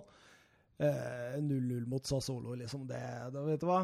Eh, kos dere i Europa League, Roma. ass. Ja, nå får vi se, da. De har Jo, Ja, når jeg ser dem har så god målforskjell. Så de tar jo nok den eh, sjetteplassen uansett. Men um, Men Daniele nei, De Rossi han tok eh, farvel med Stadio Olympico. Det stemmer. Jeg skjønte det var meget blanda, den mottagelsen fansen fikk der. eh. Men fansen fikk mottakelse? Nei, unnskyld. Han fikk blanda mottakelse fra fansen. Eh, noen var eh, meget takknemlige over den jobben han hadde gjort, mens andre var skuffa over at han valgte å Ja, men han har jo havna mer og mer ut av laget nå. Må jo få lov å prøve noe nytt. når Han har vært der hele livet. Kan jo ikke være helt Francesco Totti heller. Nei! Jeg Det er jo bare en konge. kjenner jo Ja, nei, du kan ikke være prins TV alltid. Nei, kongen av Roma, Francesco Totti. Ingen over, ingen ved siden av deg. Nei, men han sa jo også det at det blir ikke aktuelt å spille for en annen italiensk klubb. Nei, det er ferie, det. Og så får vi se. Jeg kan vel hende mistenker at det blir en pengesterk eh, klubb som man kan tjene litt penger på. Kanskje i USA eller Kina eller Qatar. Ja, han har jo ikke noe det- Det blir, blir nok noe av den eh, sorten der, tenker jeg. Ja. Eh, men Milan, da. De, eh, de måtte ha en seier mot Frosinone for å, for å legge press på Inter og eh, Ja, der var de jo, var jo skyhøye favoritter og Men den første omgangen var dårlig, Mats. Ja, fra Milans side, Ja, ja. ja, skikkelig. Frosinone hadde hadde jo faktisk muligheter til å å overraske der. Ja. Eh, ja, for de kom jo på kontra. De Ja. lå, jo, lå jo tett og Når du, når du går tilbake og så ser f.eks. antall avslutninger, så er det jo, så er det jo helt jevnt. Mm. Eh, selv om possession så viser jo at Milan hadde jo klart mest ball. Hørte du Gattuso før matchen, eller? Nei. Han la skikkelig press på Pjontek. Pjontek har jo ikke skåret siden eh, 2-1-tapet mot Juve 6. april. Mm. Han sa faktisk eh, altså Nå veit jeg ikke om det er direkte og oversatt, dette, men han sa noe sånt som at eh, nå må Pjontek slutte å tenke på seg sjøl, og tenke på hva som er best for AC Milan. Det, Mm. det, det er harde ord fra en trener på en spiss som Sliter med selvtilliten. Ja. Mm. Men det funka. Ja, det var det de gjorde, vet du! Det var det som var poenget mitt. Mm.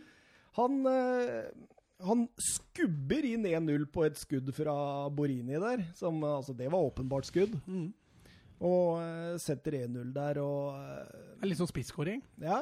Og, og Milan var jo mye bedre i annen omgang. Det var jo, de hadde jo fått en skyllebøtte der av Gattuso som Ja, var, grisen, tror jeg. så nesten litt ut som gutta nesten kom ut med blått øye der. Ja. For han tror jeg ikke Han er ikke redd for å si fra. Nei, og det tok jo bare fem minutter ut av i annen omgang der før Bakayoko fløy ut, og den nye angriper inn, han eh, Patrick Crotone. Men Crotone, Crotone, Han var ikke god. Han var ikke god. Han var ikke god. Eh, men eh, 2-0-skåringa til Suso der, det var perle. Nydelig. Nydelig satt frispark i, i nærmeste kryss. Det var liksom Han er jo litt sånn dødballspesialist, eh, Suso. Mye, mye assist fra dødballer og corner og frispark og sånne ting. Så at han kan skyte frispark rett på mål, er vel ingen stor hemmelighet.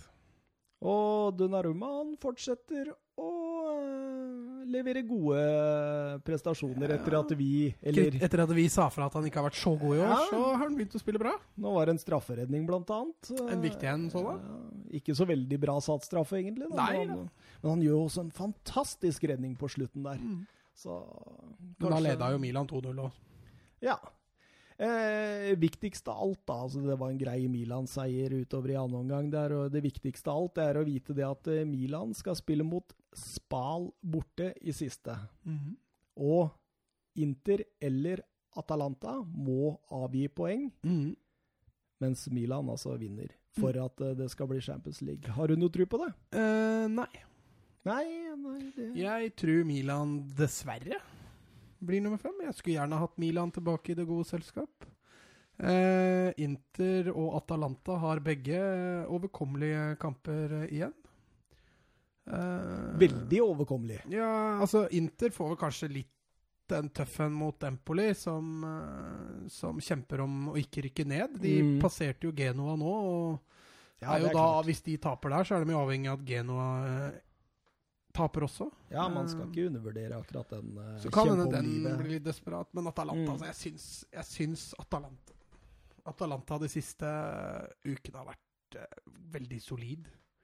De Mm. spiller jevnt med gode lag. De, de slår de som skal være under dem på tabellen.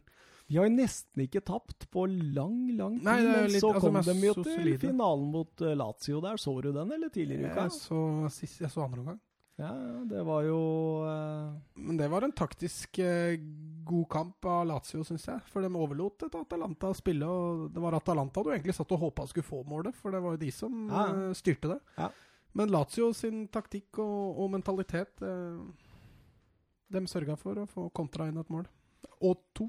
Ja, for Atalanta, de møtte Juventus. Heter Juventus i Stadio Allianz Arena det nå? Ja, den har bytta. Fankene, jeg surra med det der der når jeg satt og leste noen rapporter. Stemmer det, de har bytta til Allianz. Ja, Den het Juventus Stadium lenge. ja.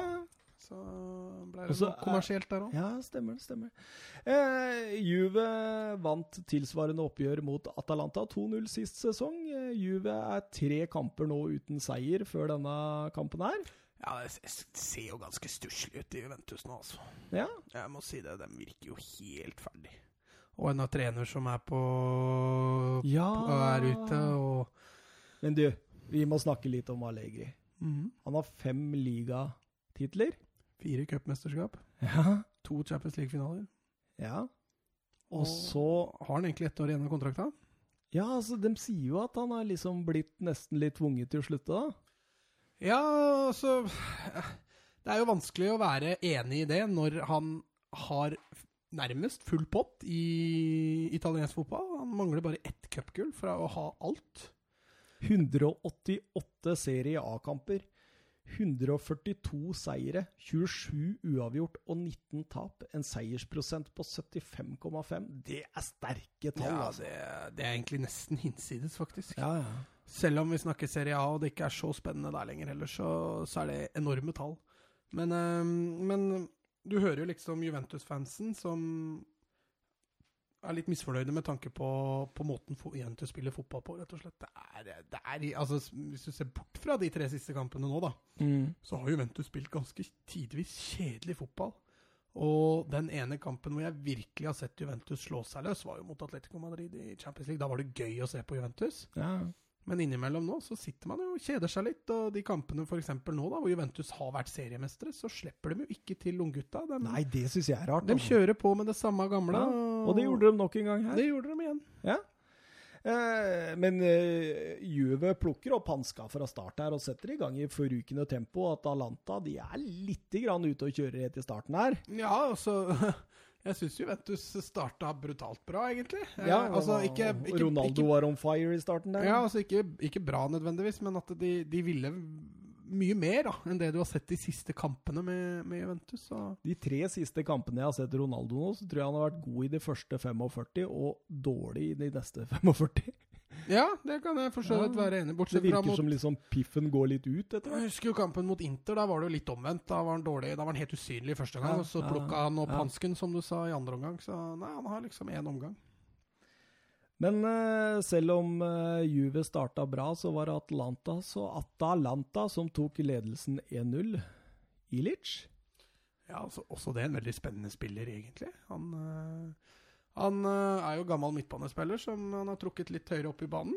Eh, selv om det er godeste Zapata som har skåret mye av målene, så er uh, Ilcic en meget god fotballspiller. Ja, En corner blir slått gjennom hele feltet. Stensny rekker ikke helt å komme ut, og han setter den på blank bak. Og da var det 1-0, og det var jo ikke noe å si på at det var 1-0, fordi etter det første stormløpet så var jo Atalanta helt på høyde. Ja, ja, ja. Det var litt det vi snakka om før, eh, før først også, at eh, jeg syns Atalanta har vært imponerende de siste, siste matchene. Og Ronaldo pådrar seg gult på vei inn i garderoben. Ja. Det er helt på sin plass. Er man ikke fornøyd, så må man si fra. Ja, og eh, han har såpass stort ego at han sier ifra. Ja, ikke noe problem. Men eh, Gasperini, tror du han var fornøyd etter første omgang? Ja. Når du leder 1-0 på bortebane mot Juventus, så tror jeg du er fornøyd. Og føler han etter hvert fikk kampen inn i sitt spor, Ja. tror jeg? Han, øh, jeg, jeg tror han satt igjen med en god følelse i pausen, og gutta fikk øh, mye skryt, tror jeg. Mm. Allegri gjør eh, to bytter i løpet av det første kvarteret der. Er- kommer inn, og Bernadeschi. Ja, altså Han er glad i å bytte ut bekka sine når ting Mm. går dårlig, i hvert fall. Det har vi jo sett de siste matcha. Ja. Med hell i enkelte kamper, og med litt annet uhell i andre kamper. Og disse to byttene, det var jo både hell og uhell, egentlig. For han ene han skårer 1-1, og han andre får rødt kort. Ja, helt riktig. Eh, Bernadeschi hadde Han har vært veldig opp og ned i år, på sitt Ja. beste. En, En fantastisk en herlig spiller. Mm. Uh, og så så du kamper som i går, da, hvor han er veldig varierende, og Ja. ender til slutt opp med å være ferdig spilt for i år. Ja, den er grei. Han Viser knotter og strake bein og eh, Men så etter 60 minutter, når eh, det ble tatt farvel med hjemmebanen, Andrea Barzagli Ja.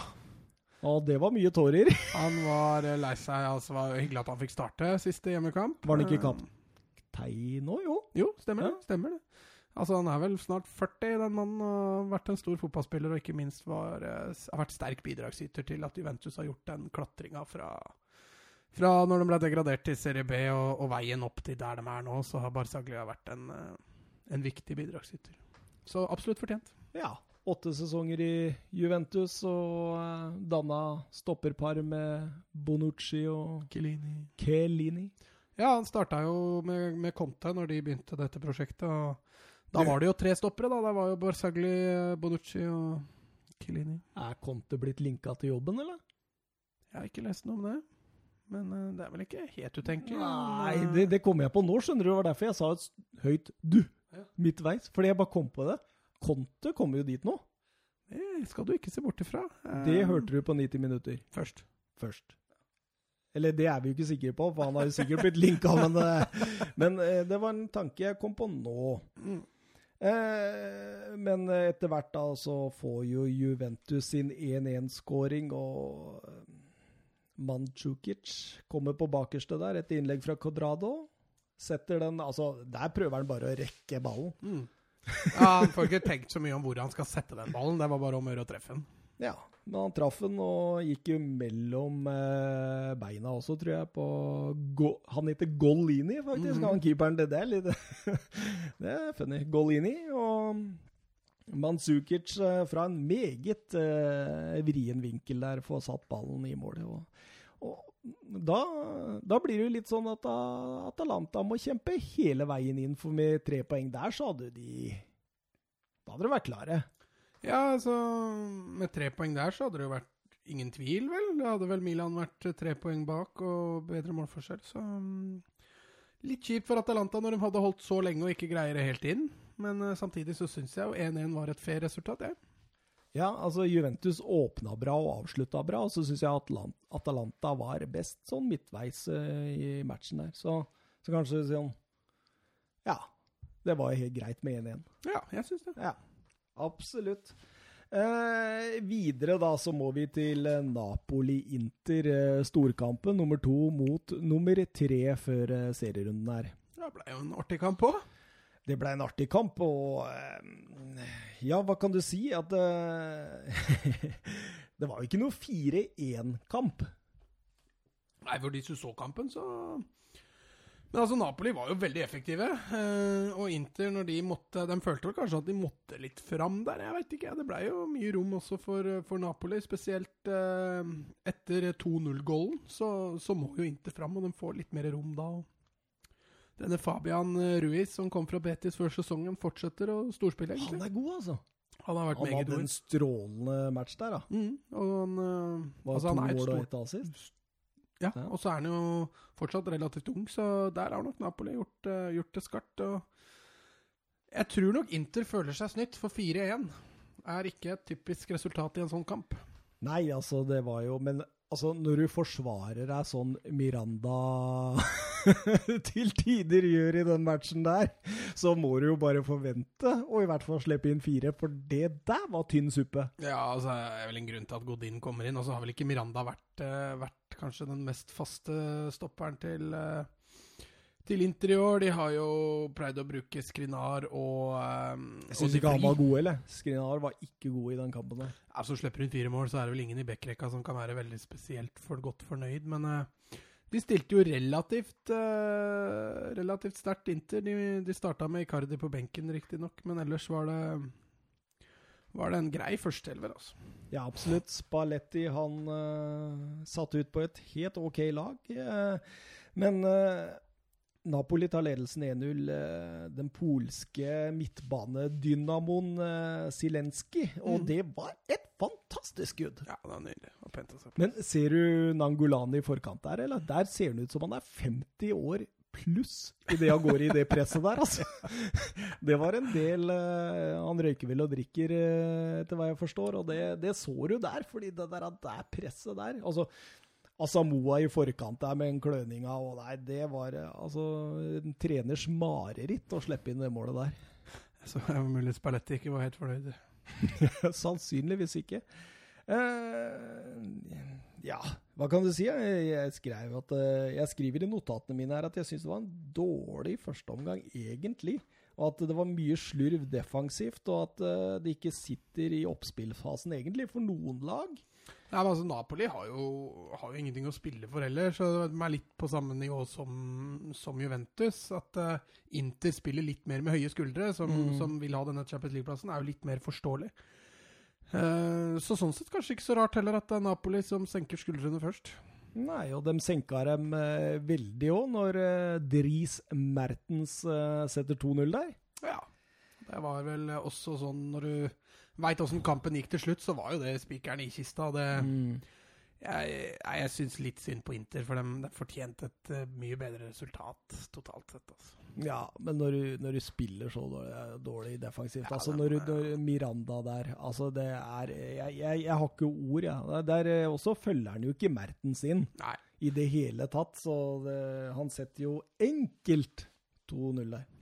Men eh, Nei, ja jeg Og på denne tidspunktet her så hadde jo Icardi kommet inn nå, fordi Spalletti la jo om til to spisser. Ja, det er ikke så ofte han har gjort det. Nei, det er ikke det. Det er ikke så ofte Martinez og Icardi har spilt samtidig. Men der hvor Inter bomma, der skårte Napoli, og eh, som du var inne på, Fabian Mm. 3-0.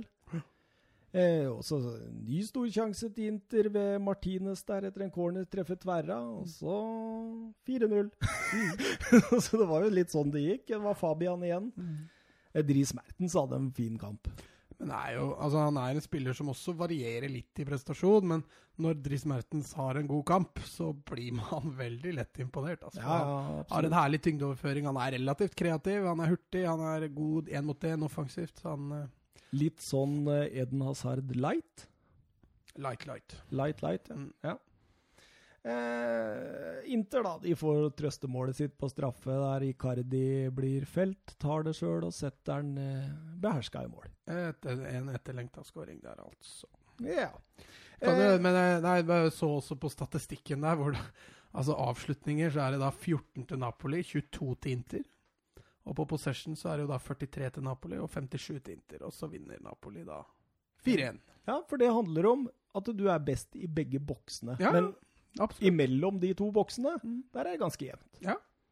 Så nei da, det var, det var ikke, det er derfor jeg sier at det var ikke sånn typisk 4-1-kamp til, til Napoli, men Napoli viser at de er, Ja. er langt mer effektive i begge, foran begge boksene. Inter møter Empoli hjemme i siste. Det bør kunne gå. I hvert fall hvis de strammer litt opp defensivt, så bør det gå greit. Ja, Vi får se om De Vri er tilbake igjen bak der. Han har jo Spalletti har jo foretrukket han foran, eh, foran eh, Miranda. Og så Vecino starta på benken i dag. Mm. Eh, han også har jo spilt stort sett fra start, så det er mulig vi får se litt forandringer i startelveren til neste kamp. Ja, og neste uke så blir det jo mer Serie A, for det, den er jo den eneste store ligaen som er igjen, da. Ja, Vi får plukke to hovedkamper derfra neste uke, da. Ja, Hvis ikke det blir en Copa del Rey-finale i var ikke det Var ikke det Nei, jo. Det var vel den Lazio vant, var det ikke det? Jo, men det er ikke Copa del Rey, det er eh, Nei, Copa nå, Italia. Nå, nå, ja, da blir det Copa del Rey. Det blir jo Valencia Coppa Copa Italia. Ja, jeg tenkte feil. Skal vi gå over til Bundesligaen, eller? Vi er eh, i forhold til sendeskjema nøyaktig Ja, vi er ikke mer enn 23 minutter bak. Ja, vi er vel snart på overtid, da. Eh, I Tyskland, siste serierunde, det var spenning om gullet, og det var spenning om Champions League-plassene. Ja, vi prøvde jo å lage litt spenning om gullet, i hvert fall. Eh, Jeg tror vi begge to tenkte innerst inne at det Det var ikke så mye spenning. Ikke i den formen Frankfurt er i.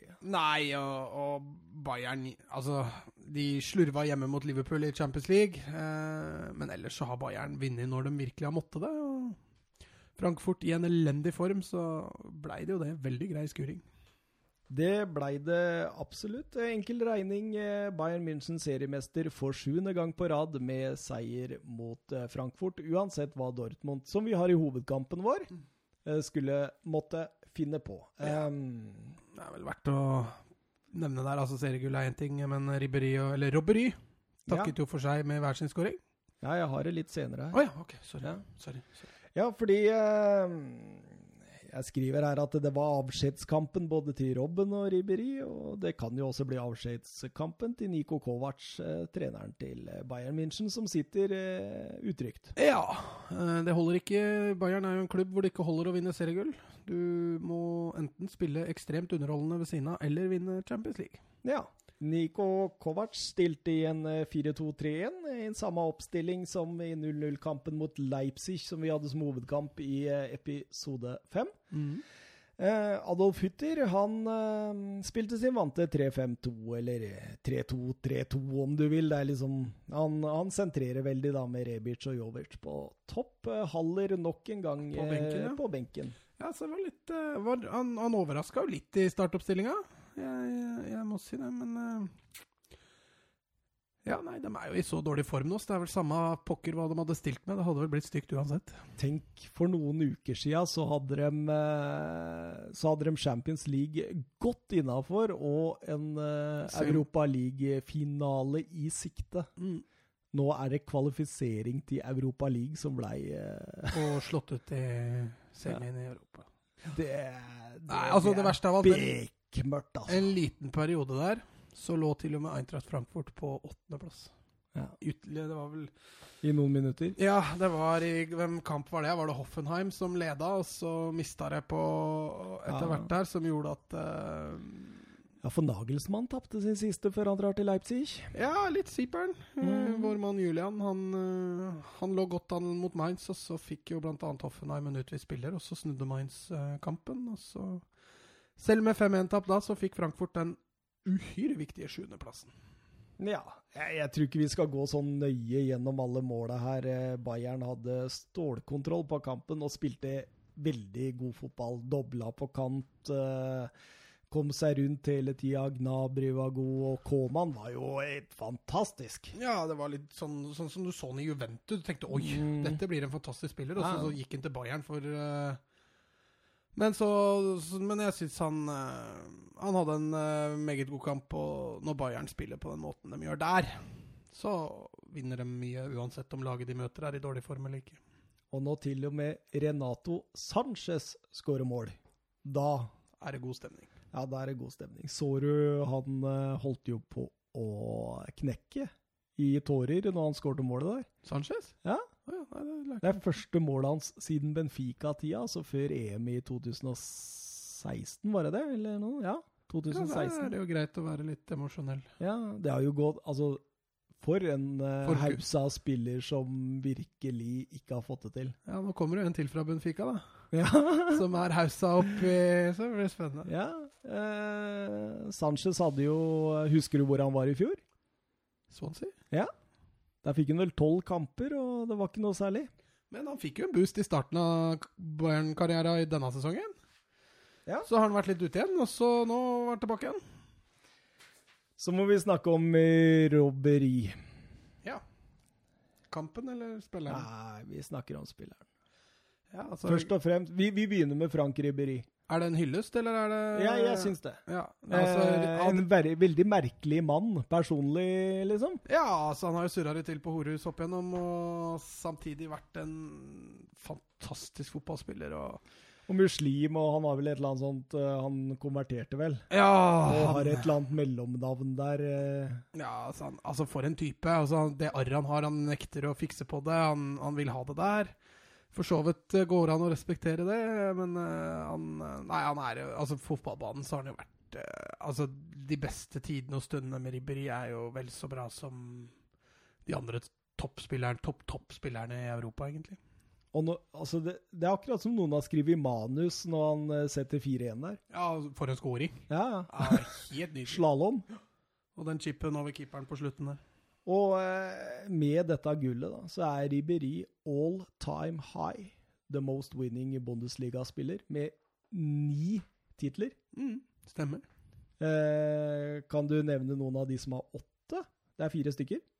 Mm, Matheus? Nei, Det er Bayern-spillere vi snakker om her, eller? bare. Um, er det ikke Müller? Nei. Han har sju, faktisk. Det husker jeg. Ja, men vi må til ba Beckenbauer, eller? Nei, må ikke så langt tilbake. Eh, Dette blir veldig dårlig podkast, så Ja. vi kjører. Eh, Philip Lahm, of course. Mehmet Scholl, Ja, nei, den, hadde- Oliver Kahn den ble jeg tatt. og Bastian Schweinsteiger. Den burde jeg i hvert fall tatt. Eh, og når vi er inne på dette med manus, så selvfølgelig han som skrev dette manuset, han eh, skrev jo Arjen Robben 5-1. Altså Som fotballspiller så har jeg mer sansen for Robben, egentlig. Han, altså, hvis du bare ser hva han gjør med fotballen offensivt Jeg Mm. også har sett at han er en skuespiller, og mister jo litt sansen for det. Men altså, mye, mange av de måla han har skåret for Nederland, mye av det han har tilrettelagt for Nederland, mye av det han gjorde i, har gjort i Bayern, men at han ble kasta så tidlig på dør i både Chelsea og Real Madrid altså Han er Han fikk vist i Bayern hva han virkelig var god for, og at eh, både Real Madrid og Chelsea sitter og tenker faen den spilleren skulle vi ikke ha sluppet så lett. Det, det tror jeg det mangler litt på. Det var Mourinho som slapp Robben. vet du. Ja, Han, var, han var leien. Eh, Altså, jeg- var, var, det, var det han som slapp den i begge? Nei, det kan det ikke være. Ah, Han slapp den i hvert fall i Chelsea. Ja, nei, han dro før Mourinho Nja kanskje, kanskje, det, kanskje det er selveste Mourinho som har solgt den begge Ja, gangene? nå må jeg bare tenke, fordi han skåra jo når Juan de Ramos var midlertidig trener for Real Madrid. Gamle Tottenham-legenden der, altså. ja, men når han da ga seg Hvem var det som tok over Real da? For det var året etter, i 29. Var det Mourinho som kom inn da, tro? Da var det vel Rattan. Det må vi få sjekka til seinere. eh, han som Eller kanskje du finner ut av det på din laptop. Det er ikke umulig. Jeg kan snakke litt om Niko Kovac. Etter kampen så var han overbevist om at han kom til å få fortsette jobben. Ja vel? Ja, han var det. Um, tross tapet mot Liverpool i Champions League og um, altså det, det som har tippa styret, da, det er tydeligvis en 1-1-kamp mot Nürnberg. Ok. Ja, det, det er tydeligvis, eh, ifølge rapporten i hvert fall, som tippa styret fullstendig. Så det må, uten at jeg så den kampen, så må det ha vært en dårlig kamp. Men, men, men bare kjapt før du tar det, så var, eh, var Pellegrini mannen som kvittet seg. stemmer det, stemmer det. Nei, fortsett. Ja, eh, vet du hva en som er eh, bookmakeras favoritt til å ta over jobben hvis eh, Kovac får fyken de nærmeste dagene? Ja, det er vel ikke Jupp Heynckes, i hvert fall. Nei. Uff, eh, Conte? Hvis jeg sier at begge eh, trener i eh, Nederland Ja, Ten Hag, selvfølgelig. Ja. Ja, og van Bommel, da. Ja, helt riktig. Det er de to med lavest odds hvis Niko Kovac må ut portene. Van Bommel har vel en fortid i Bayern nå? Ja, det er jo det som gjør det litt sånn ekstra. Han har gjort det bra med PSV. Mm. Ja, de var faktisk veldig gode i Champions League-gruppespillet der, vet du. Ja, de gikk i hvert fall ikke på noe stortap. Som, eller de Nei, og de kunne tatt mye flere poeng Ja, enn ja, de faktisk gjorde. og, med, og, og faktisk så er det jo de som redder Tottenham. Mm. De har jo mye av æren for at Tottenham spiller eh, finale 1.6 mot Liverpool. Ja, ja, at PSV holdt Inter på Ja, bortebane ja, ja. der, var en eh, prestasjon. Husker jeg var litt nervøs da. Altså. Jeg satt ikke vi og så det, ja? ja. Jeg satt der hele tida.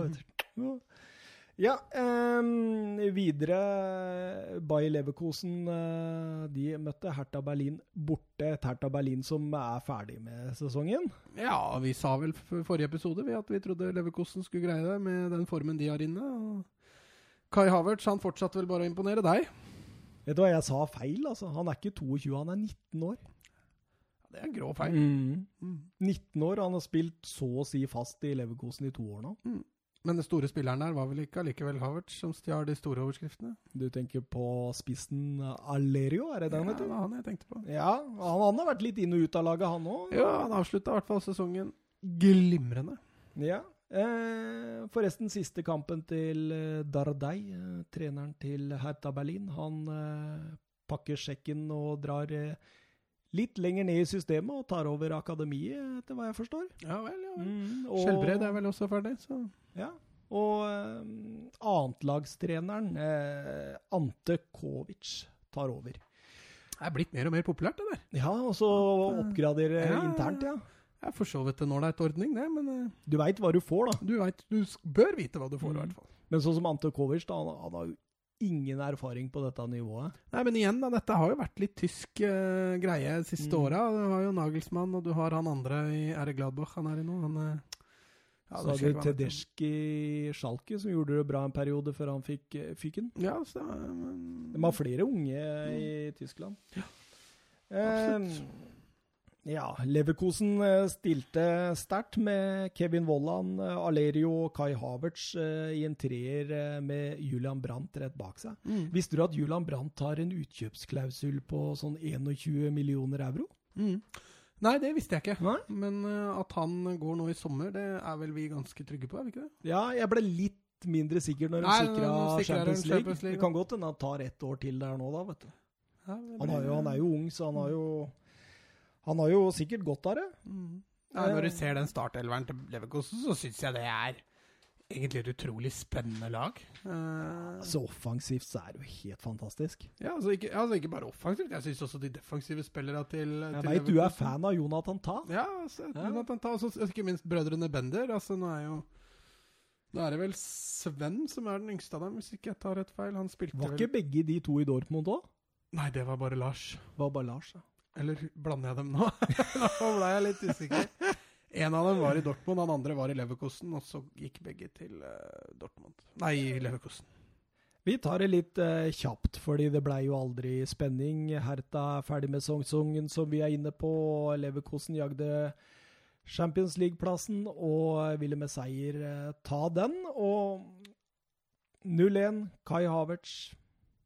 Så får de en liten sånn eh, Det blir 1-1 der. Mm. Eh, men eh, Retta det kjapt opp. Ja. Alerio 1-2 minutter seinere. Julian Brandt Åh, det var vakkert. Åh, jeg, jeg begynner Kai Havertz og Julian Brandt, det er, det er to stykker som jeg virkelig liksom sånn ja, ja, Brandt har spilt lenge på landslaget òg. ja. ja. Han fikk tidlig muligheten på landslaget, men han har jo ikke spilt seg kanskje til fast plass på det tyske landslaget, men han er ofte med. Jeg tror han må til en sånn For å spille fast Ja. der, så må han på enda høyere hylle. Han hylle. må liksom ta det siste steget. Mm. Men eh, hvordan han fyrer av på første touchen der, og ballen bare skrur vekk fra keeper og inn i nettveggen på lengste. Mm. Åh, det er så fint, det! Nydelig treff. Ehm, 4-1 eh, Alerio igjen, og 5-1 Alerio. Det er jo Brandt Havertz. eh, Det er de som står bak det aller, aller meste. Ja, altså de eh, står jo Altså de er litt kreat Mye av kreativiteten bak det, og, og, og farta bak det, er jo de to som eh, står bak. Selvfølgelig. Ja, Brandt har sju mål og 11 assist på 33 denne sesongen, og Kai Havertz har 17 mål på 33 starter. Ingen assist på Havertz. Jo, det var noen få, men ikke nok til at jeg gadd å skrive dem ned. Toneangivende uansett. Helt fantastisk. Um, ja, skal vi gå Da er vi over på hovedkampen, eller? Jeg kan jo nevne Wolfsburg, da. Ja, 8-1. Ja, jeg hadde noe sånn Eh, Vi eh, snakka jo, vi snakka jo så vidt om det i forhold til at hvis det skulle gå sånn dit, dit og dit, så trengte Wolfsburg en storseier for å sikre Sikre sjetteplassen. Eh, nå tapte jo Frankfurt, eh, og da holdt det bare med å vinne, men allikevel 8-1 i Bundesliga er jo et eh, bra resultat. Ja. Eh, verdt å nevne også at Hoffenheim tapte 4-2 mot Mainz i Julian Nagelsmanns siste kamp, som gjorde at Werder Bremen tok seg forbi Hoffenheim, som egentlig da avslutter på en skuffende niendeplass. Ja, jeg vil si det var skuffende. Mm. Men det er jevnt der, da. Det er Ja da. superjevnt. Det var kort, kort vei. Men du, eh, Sortnes Gravøl. Toppskårer i Bundesligaen. Lewandowski. Ja, den var lett. Nummer to. Da må vi Skal vi ta sjansen på åh, Alcácer var jo tidlig oppe da. Han har nesten ikke skåra. Ja, men si det. Ja, da sier jeg Alcázar. Ja. 22 mål på Lewandowski, 18 på Alcázar, og så kommer det fire stykker på 17. Oi. Du klarer nok tre av dem. Ja, Jovic sikkert, i hvert fall. Ja, Eh, ja, du sa jo Havertz i stad, da. ja. Oi, oi, oi. Nei, da ble Nei, nei jeg har ikke peiling. Marco Royce Marco Reus, selvfølgelig. og Vigårst. Vigård. Eh, men eh, assist, da? Hvem har flest assister? Ja, det må jo være Sancho. Ja. Ikke Han har 14, Kimmich 13 og Julian Brandt med 11. Ja. Ja. Ehm, nevnte jeg forresten at Schalke uh, får seg ny trener nå? Fortsetter de ikke med Nei, han uh, godeste Hoop Stevens, han uh, gir seg. ja, Han var bare sånn caretaker han pga. at Tedesco fikk uh, fyken tidligere i år. Mm, Eh, vet du hva de har ansatt nå? Ja, det er ikke det en sånn ung eh, Ja, altså du Ja, ikke ung, ung. Eh, Wagner, sier dere noe? Nei. Eh, assistenten til Klopp i eh, Mainz, som eh, hadde Huddersfield i to sesonger nå. Ja, ja.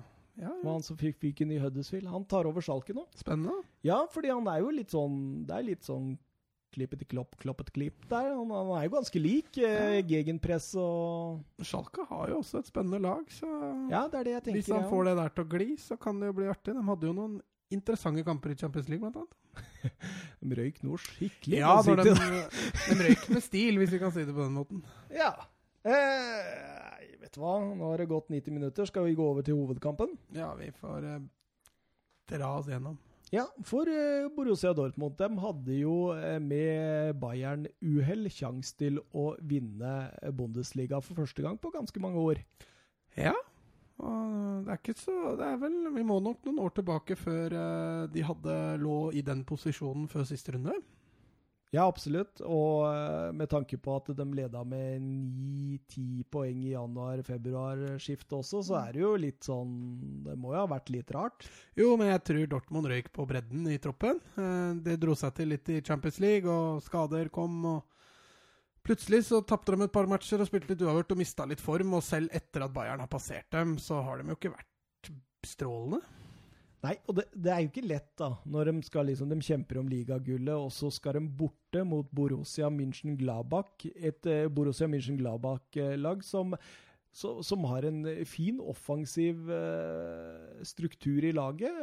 En eh, Torgan Hazard på sitt beste, som er veldig, veldig bra til tider. Ja, jeg syns du så det også i den kampen. Ja, og, eh, og jeg tenker jo også det at eh, at eh, når de da jager Champions League og drar dit borte Nei, Det, det, det krever litt, da. Ja, vi snakka jo om det forrige serierunde òg, at uh, Bayern antageligvis kanskje kan klare seg med en uavgjort. For, uh, nei, med tap. For det var ikke sikkert at Dortmund kom til å vinne den kampen. Uh, og jeg syns jo starten på kampen bærer litt preg. Dortmund virker litt, virker litt mer prega, hvis vi kan si det på den måten, enn det Gladbach gjør. Ja, absolutt. absolutt. Selv om Gladbach også teoretisk hadde mulighet til Champions League der. Sancho var tilbake i oppstillingen. Ja, det var vel å forvente. Ja, han er, han er så god, han. Han er helt rå. Han er Det, der, har vi, der har vi noe som kommer til å bli stort i mange år framover.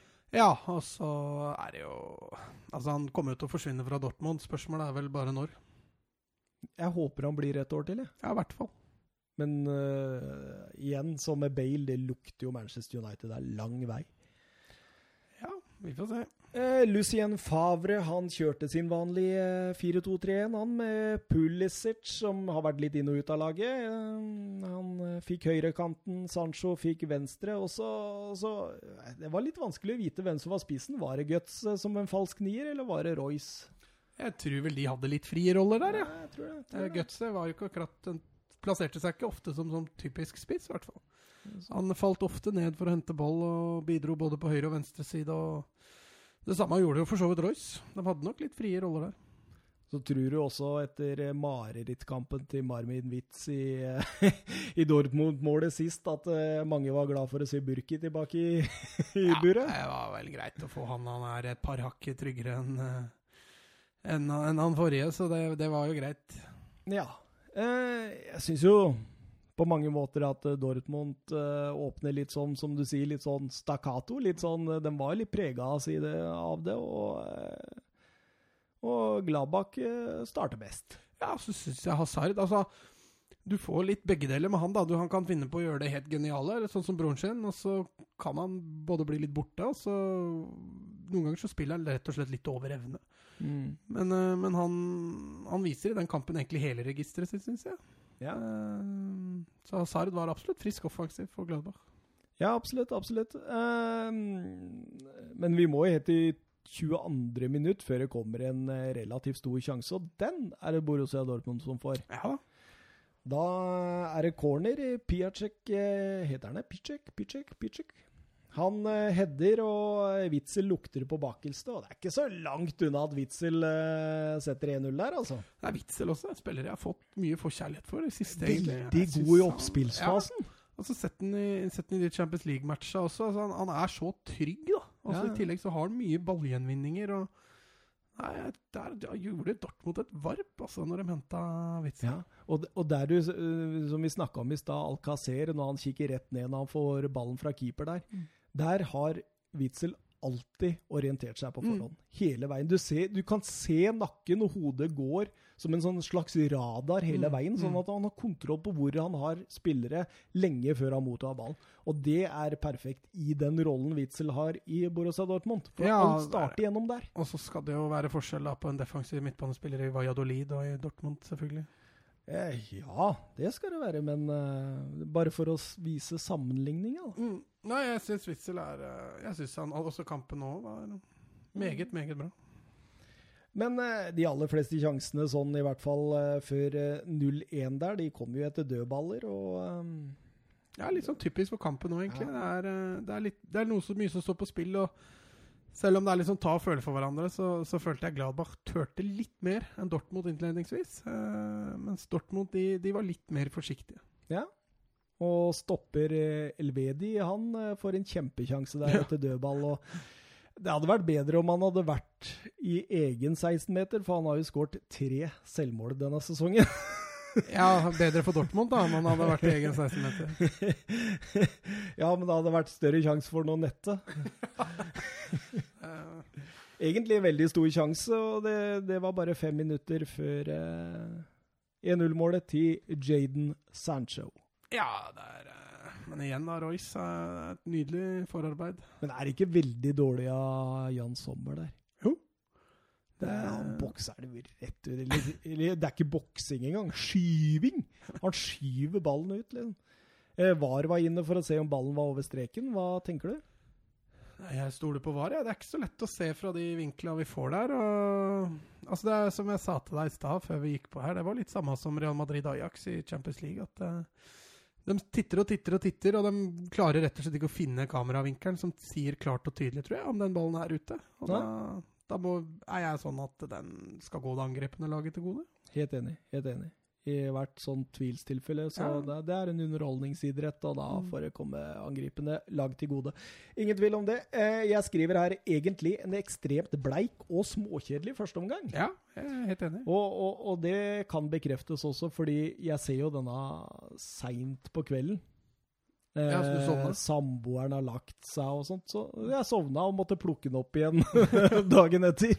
det var såpass kjedelig. Eh, men eh, bra satt av Sancho der på 1-0, da.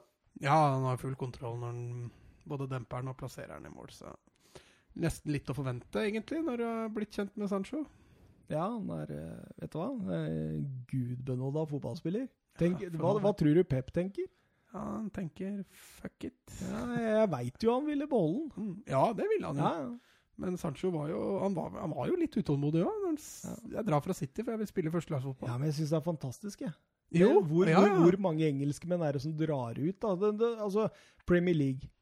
Massevis av penger. Mangler man noe, så kjøper man det inn. Altså Det gjelder for eh, Westham som det gjelder for Arsenal og Ja, kanskje ikke Arsenal, men Ja, De kjøper jo aldri nærma hull, men uh, Den vitsen har du skrevet. Nei, jeg har ikke det. Dette er, dette er Bundesliga her. Eh, men uh, Så det er vanskelig for disse unge Huds Nodoi. Du har flere av dem, ikke sant? Mm. Som sliter med å spille seg til fast plass. Hvorfor ikke dra til sånne lag? Ajax, Dortmund, uh, Lyon. Sånne lag som liksom satser på ungt. Og du får en sånn en mellomstasjon. Ja, altså Sancho har gjort et fantastisk valg. Mm. Det er jo ingenting å betvile det. Men, men, bare det å være så tøff, da. Altså Hvis vi kan si det på den måten. da. Altså Vi kalte det utålmodig, men altså han er jo tøff ja. som, som, tør å gjøre det valget. Altså Han sier jo nei takk til penger, og jeg tar fotballkarrieren ja, min først. Ja, faen, gjør dette gratis i Dortmund. Nei, men han hadde sikkert kunnet tjent en god del mer penger i City etter hvert enn det han kommer til å gjøre i Dortmund. Han skjønner at penga kommer, han òg, vet du. ikke sant?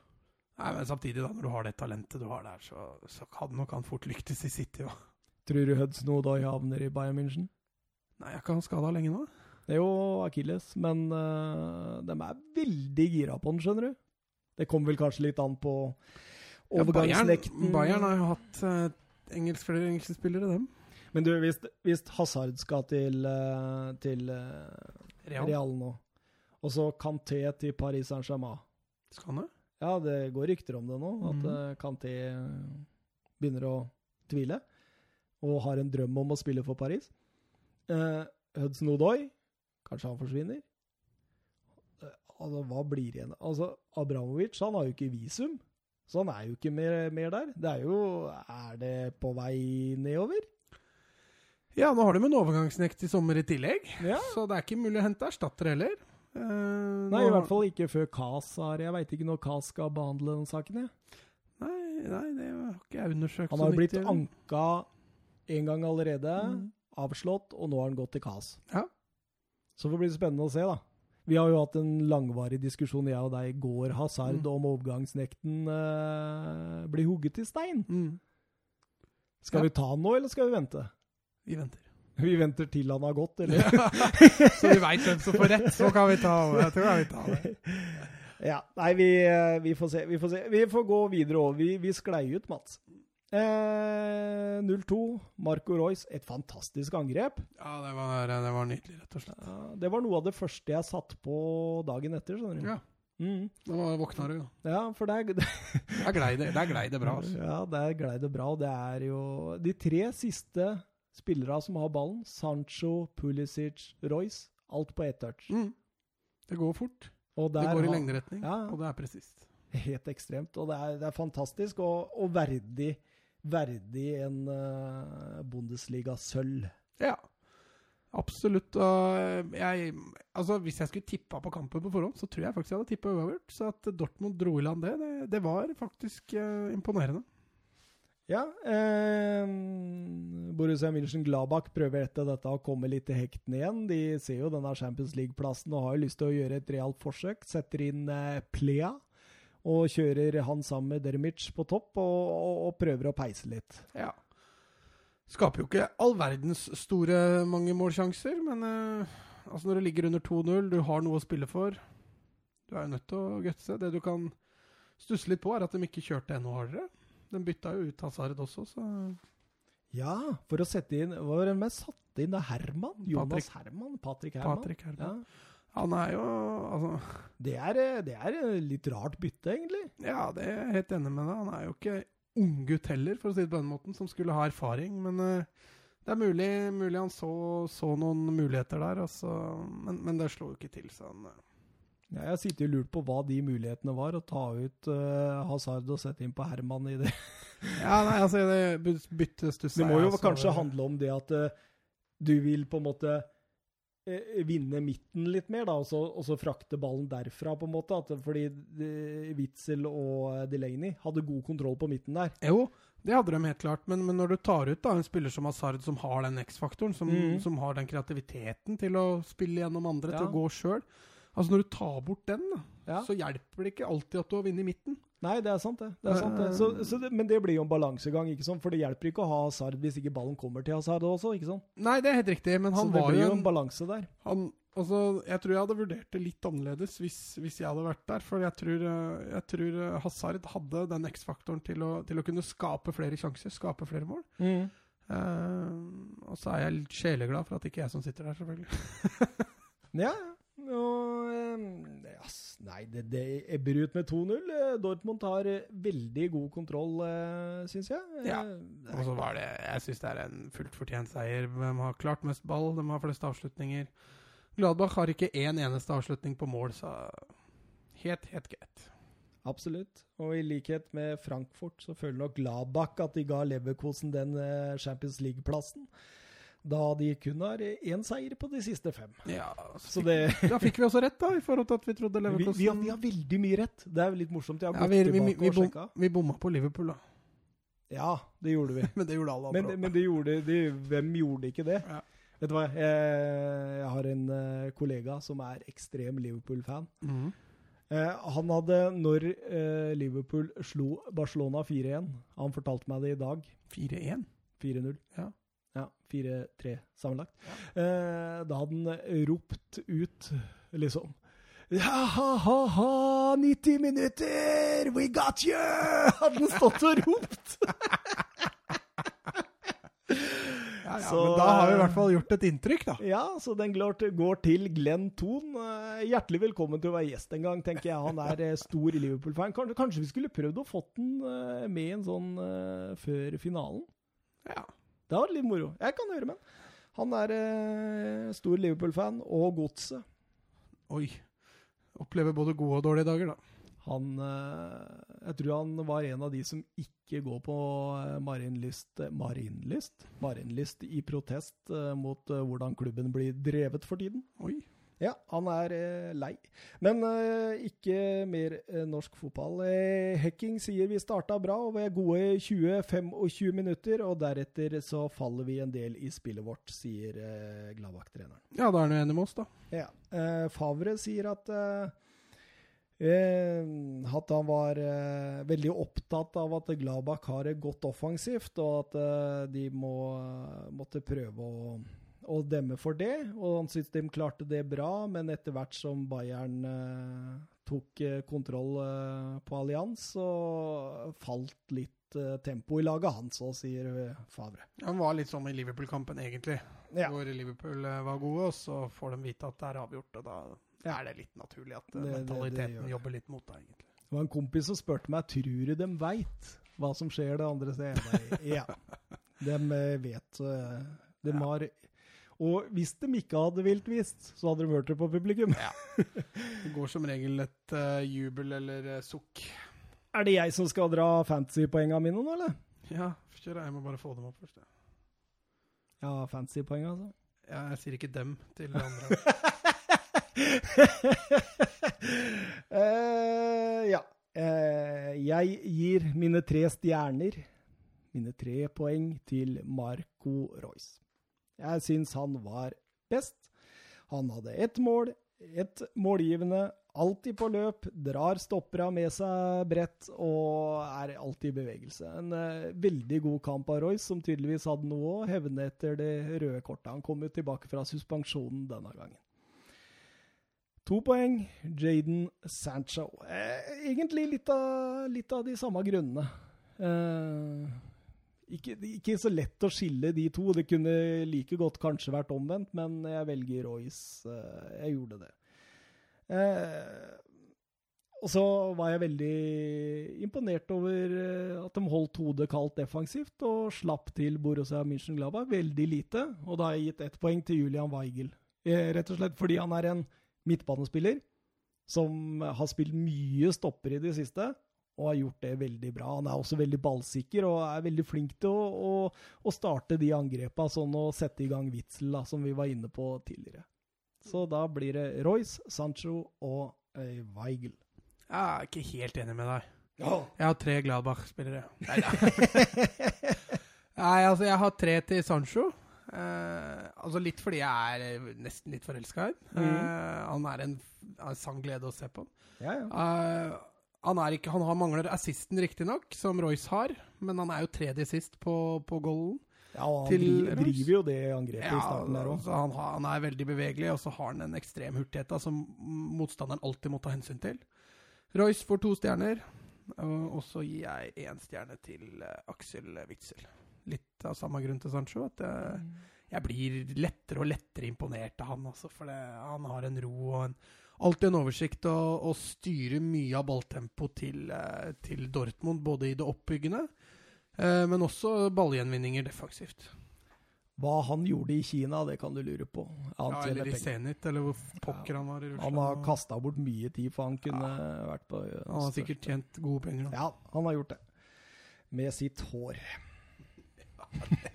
Det er litt sånn uh, Fellaini light over det. Ja.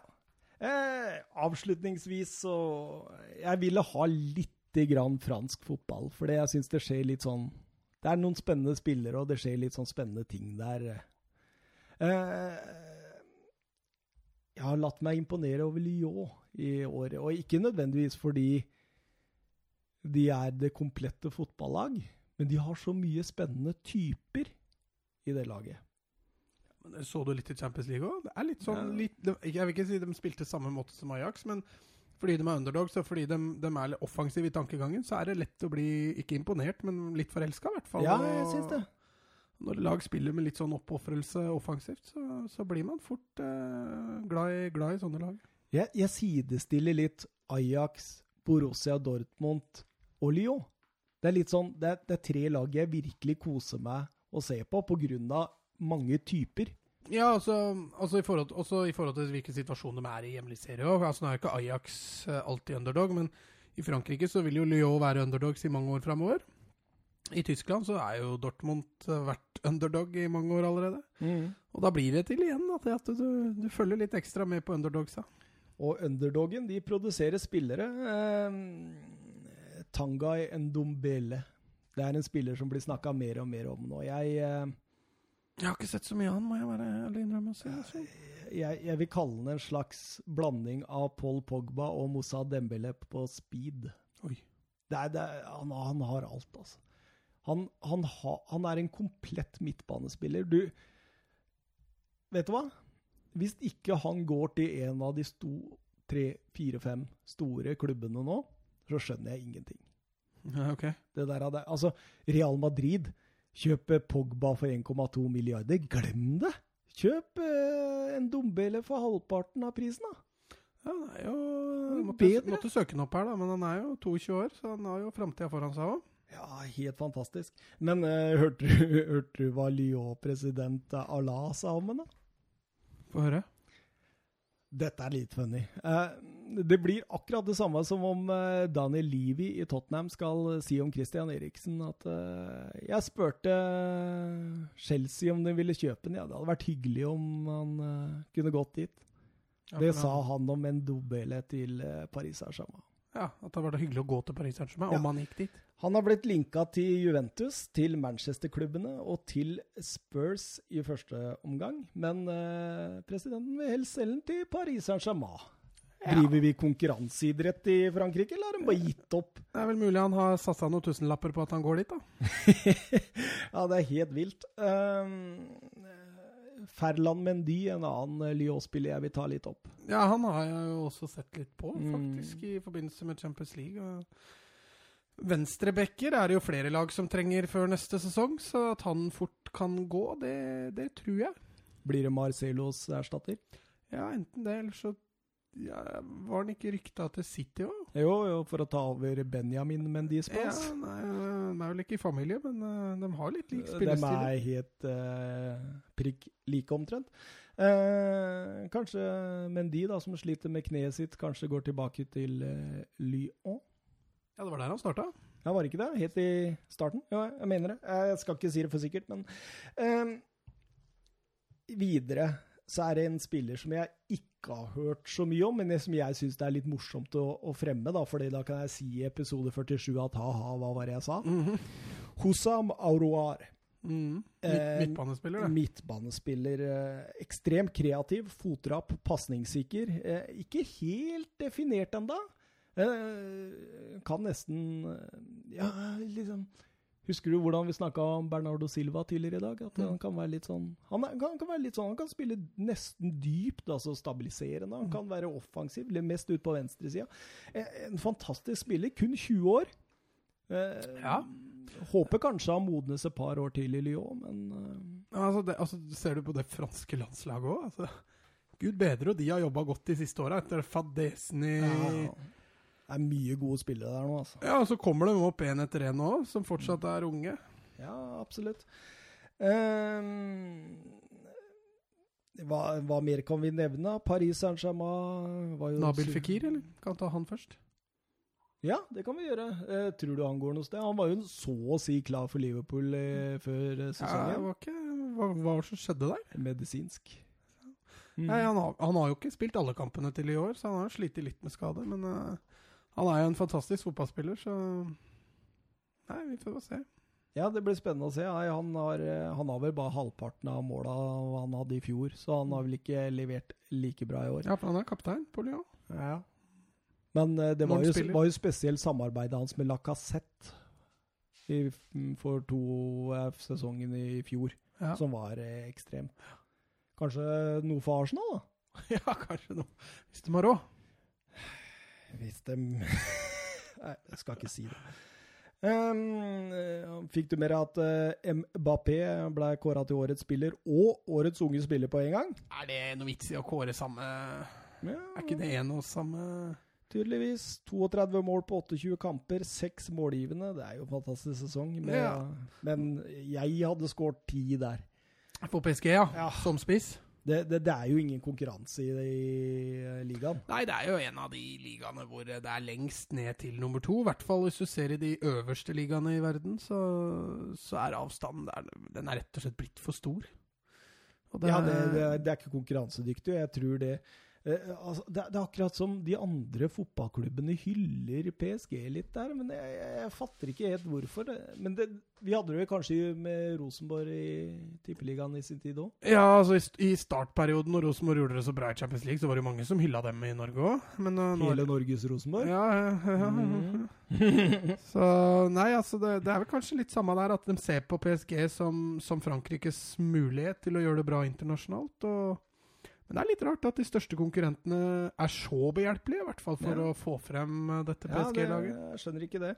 Eh, Qatar Sports Investment også, eh, ifølge ryktene, teller litt på knappene for å trekke seg ut. Ja, og det Om ikke det er forståelig, så ser man jo Ser man jo litt årsakene til det. At uh, faen, dette var jo ikke så veldig spennende. Uh, Nei, du vinner ligaen, og så ryker du Champions League i kvartfinalen hvert år, liksom. Ja, så når du i tillegg ikke greier å vinne cupen, så Ja, der. Nei, altså Jeg tror flere spillere som syns det er litt kjedelig å spille på PSG. Ikke fordi de ikke syns det er gøy å spille fotball, men uh, det er rett og slett litt for lett. altså. Spillere som Mbappé, Neymar, ja, Kavani Og for første gang så sådde Mbappé eh, tvil om fremtiden sin i Paris. Altså Det ligger vel litt i korta der at han ender opp i Real Madrid etter hvert. Om det skjer denne sesongen eller uh, neste, så, så er vel ingen Zidane aldri holdt så hemmelig at han liker Mbappé, i hvert fall. Nei, absolutt ikke. Jeg kan se for meg Mbappé på venstresida i City òg, ja. Ja, men Guardiola gikk ut og sa at vi har ikke råd til å kjøpe Grismann, så da har de i hvert fall ikke råd til å kjøpe Mbappé. Men Grismann virker klar for Barca, eller? Ja, nå leste jeg i stad at Delikt så å si var klar. Eh, Ja, det hørte jeg var Liverpool nå, jeg. At eh, van Dijk hadde jobba hardt for å få Delikt i Liverpool. Jeg leste i stad. Det er mye rykter, vet du. Vi kan ikke tro på alt. Vi, vi kommer med en egen rykteepisode her. Eller vi, vi, vi kjører litt silly season utover sommeren. Oh, yes. Ja, det må vi gjøre. Hvor, hvor vi tar for oss litt lag og hva man trenger. Og, og et tabelltips i de forskjellige ligaene Ja. når det begynner å dra seg til. Men jeg så jo, for å avslutte Grismann, så, så var det splitta i garderoben i Barcelona visstnok. At eh, det var noen som ikke ville ha han der. Er dette en brannfakkel hvis jeg sier at jeg syns han er litt, litt overvurdert? I denne sesongen så er det ikke brannfakkel. Han har hatt en eh, litt dårlig sesong til han å være. Jeg, jeg, jeg, jeg har aldri Altså, når jeg har sittet og, og beundra fotballspillere, så har jeg Grismann har aldri vært en av de som virkelig har fenga meg. Ikke som Messi, som Mbappen, øh, som Jaden Sancho, som Ja. Nei, men altså, altså Griezmann altså, han, er jo, han er jo forholdsvis kreativ. Han er relativt hurtig, han er en god avslutter. Han er en relativt god tilrettelegger. Han er ikke noe sånn ekstremt god på én ting. Men samtidig så er han også en toveisspiller. Han er ikke noe, altså, Til og med i Atletico Madrid så er han ikke noe Han er ikke noe sånn som furter på toppen og ikke gidder å løpe hjem. Og det er en av de tingene som jeg i hvert fall har blitt mest imponert over han. At han, han, han er en toveisspiller. Han, han er ikke noen luksusspiller som som nyter at de andre jobber mye. Så um, litt som Bob Bob i forhold til Barcelona, om han kommer til å passe inn der. Åssen går det med Atletico nå uten Godin og Grismann, og hva tenker Simione? Rodrigo går vel fort òg. Jeg tror nesten Mm. han så å si er klar for City. Ja, men er det ikke en Ja, du har Saul og Kåke. De Ja. også er rykta til United, blant annet. Ja. Saul er jo rykta til City også. Eh, Er det starten på fallet? Eh, kan være det. Det kommer helt an på Mm. hva de henter inn. Eh, men, men hvis det, når Godin forsvinner, og så forsvinner Griezmann, og hvis Rodrigo skulle forsvinne, og Saul eller Kåke skulle forsvinne, så mister de jo hele sentrallinjen. Men han der som eh, Bayern har henta, Hernan Lucas Hernandez. Ja. Der også har jeg stussa litt, for det, han har jo spilt mest venstreback i, i Atletico Madrid. Og på venstrebekken i Bayern så har de jo Mm. Alaba, som er en av verdens beste venstrebacker. Og da er det enten en av to ting. Enten så selger de vel Alaba, eller så dytter de Lucas Hernandez inn som stopper. Hvor han også har spilt litt. Han kan ikke på høyre av Kimmich høyre opp. Kimmich er jo en enorm offensiv Ja, får du jo en skeivbeint høyreback, da. Ja. Ja, ja. Nei, du sier. Eh, og da bruke 700 millioner på en spiller du skal ha i bakhånd, det Ja. høres jo veldig flott ut. Så. For det venstre sida til Bayern München er bra, altså. Ja, nå veit jeg ikke om det blir Alaba og Koman? Ja, nå blir det Koman der. Jeg- ser vel for meg at de kommer til å bruke den kanskje som stopper. Nå er jo både Hummels og, og Boateng på vei nedover, kan vi si det. Ja, det er bare en Niklas Hyle igjen der som Ja, så det er Holder mulig de må visst. hente han inn som en stopper. Altså. Ja, kanskje. Kanskje. Men er, men er ikke han typisk back? Jo, han spilte jo venstreback for Frankrike under VM, og har spilt helt klart mest venstreback. Ja, men det de har jo henta Pavar òg! Han Ja. er høyreback. Han er høyreback. Hva i alle dager er det de driver med der, da? Ja, det er derfor jeg sier at det er mulig de enten skyver uh... Pavar kan spille stopper òg, eller? Ja. Nei, han er mer utprega høyreback. Ok, Men da, da skyver de Kimmich opp. Da skyver de nok fort Kimmich fram. og så Det er litt derfor jeg sier enten så selger de Alaba, eller kanskje de skyver Alaba fram. Han også har spilt midtbane før, og Ja. Så det kan godt hende de tenker i de Han er jo baner offensiv. Han er jo offensiv. Mm. Mye offensiv bidrag. Ja ja, Mats. Øh, klokka er Klokka er ett, altså. Ja, tida flyr når man har det gøy. To timer og fem minutter. ja ja. Eh, Sånn går det dagene. skal vi hilse alle lytterne våre og si eh, tusen takk for at du, du hører på. At i neste uke så kjører vi litt eh, Copa del Rey-finale, litt Serie A og litt eh, annen snacks. Ja, Ja. det. Jeg syns det.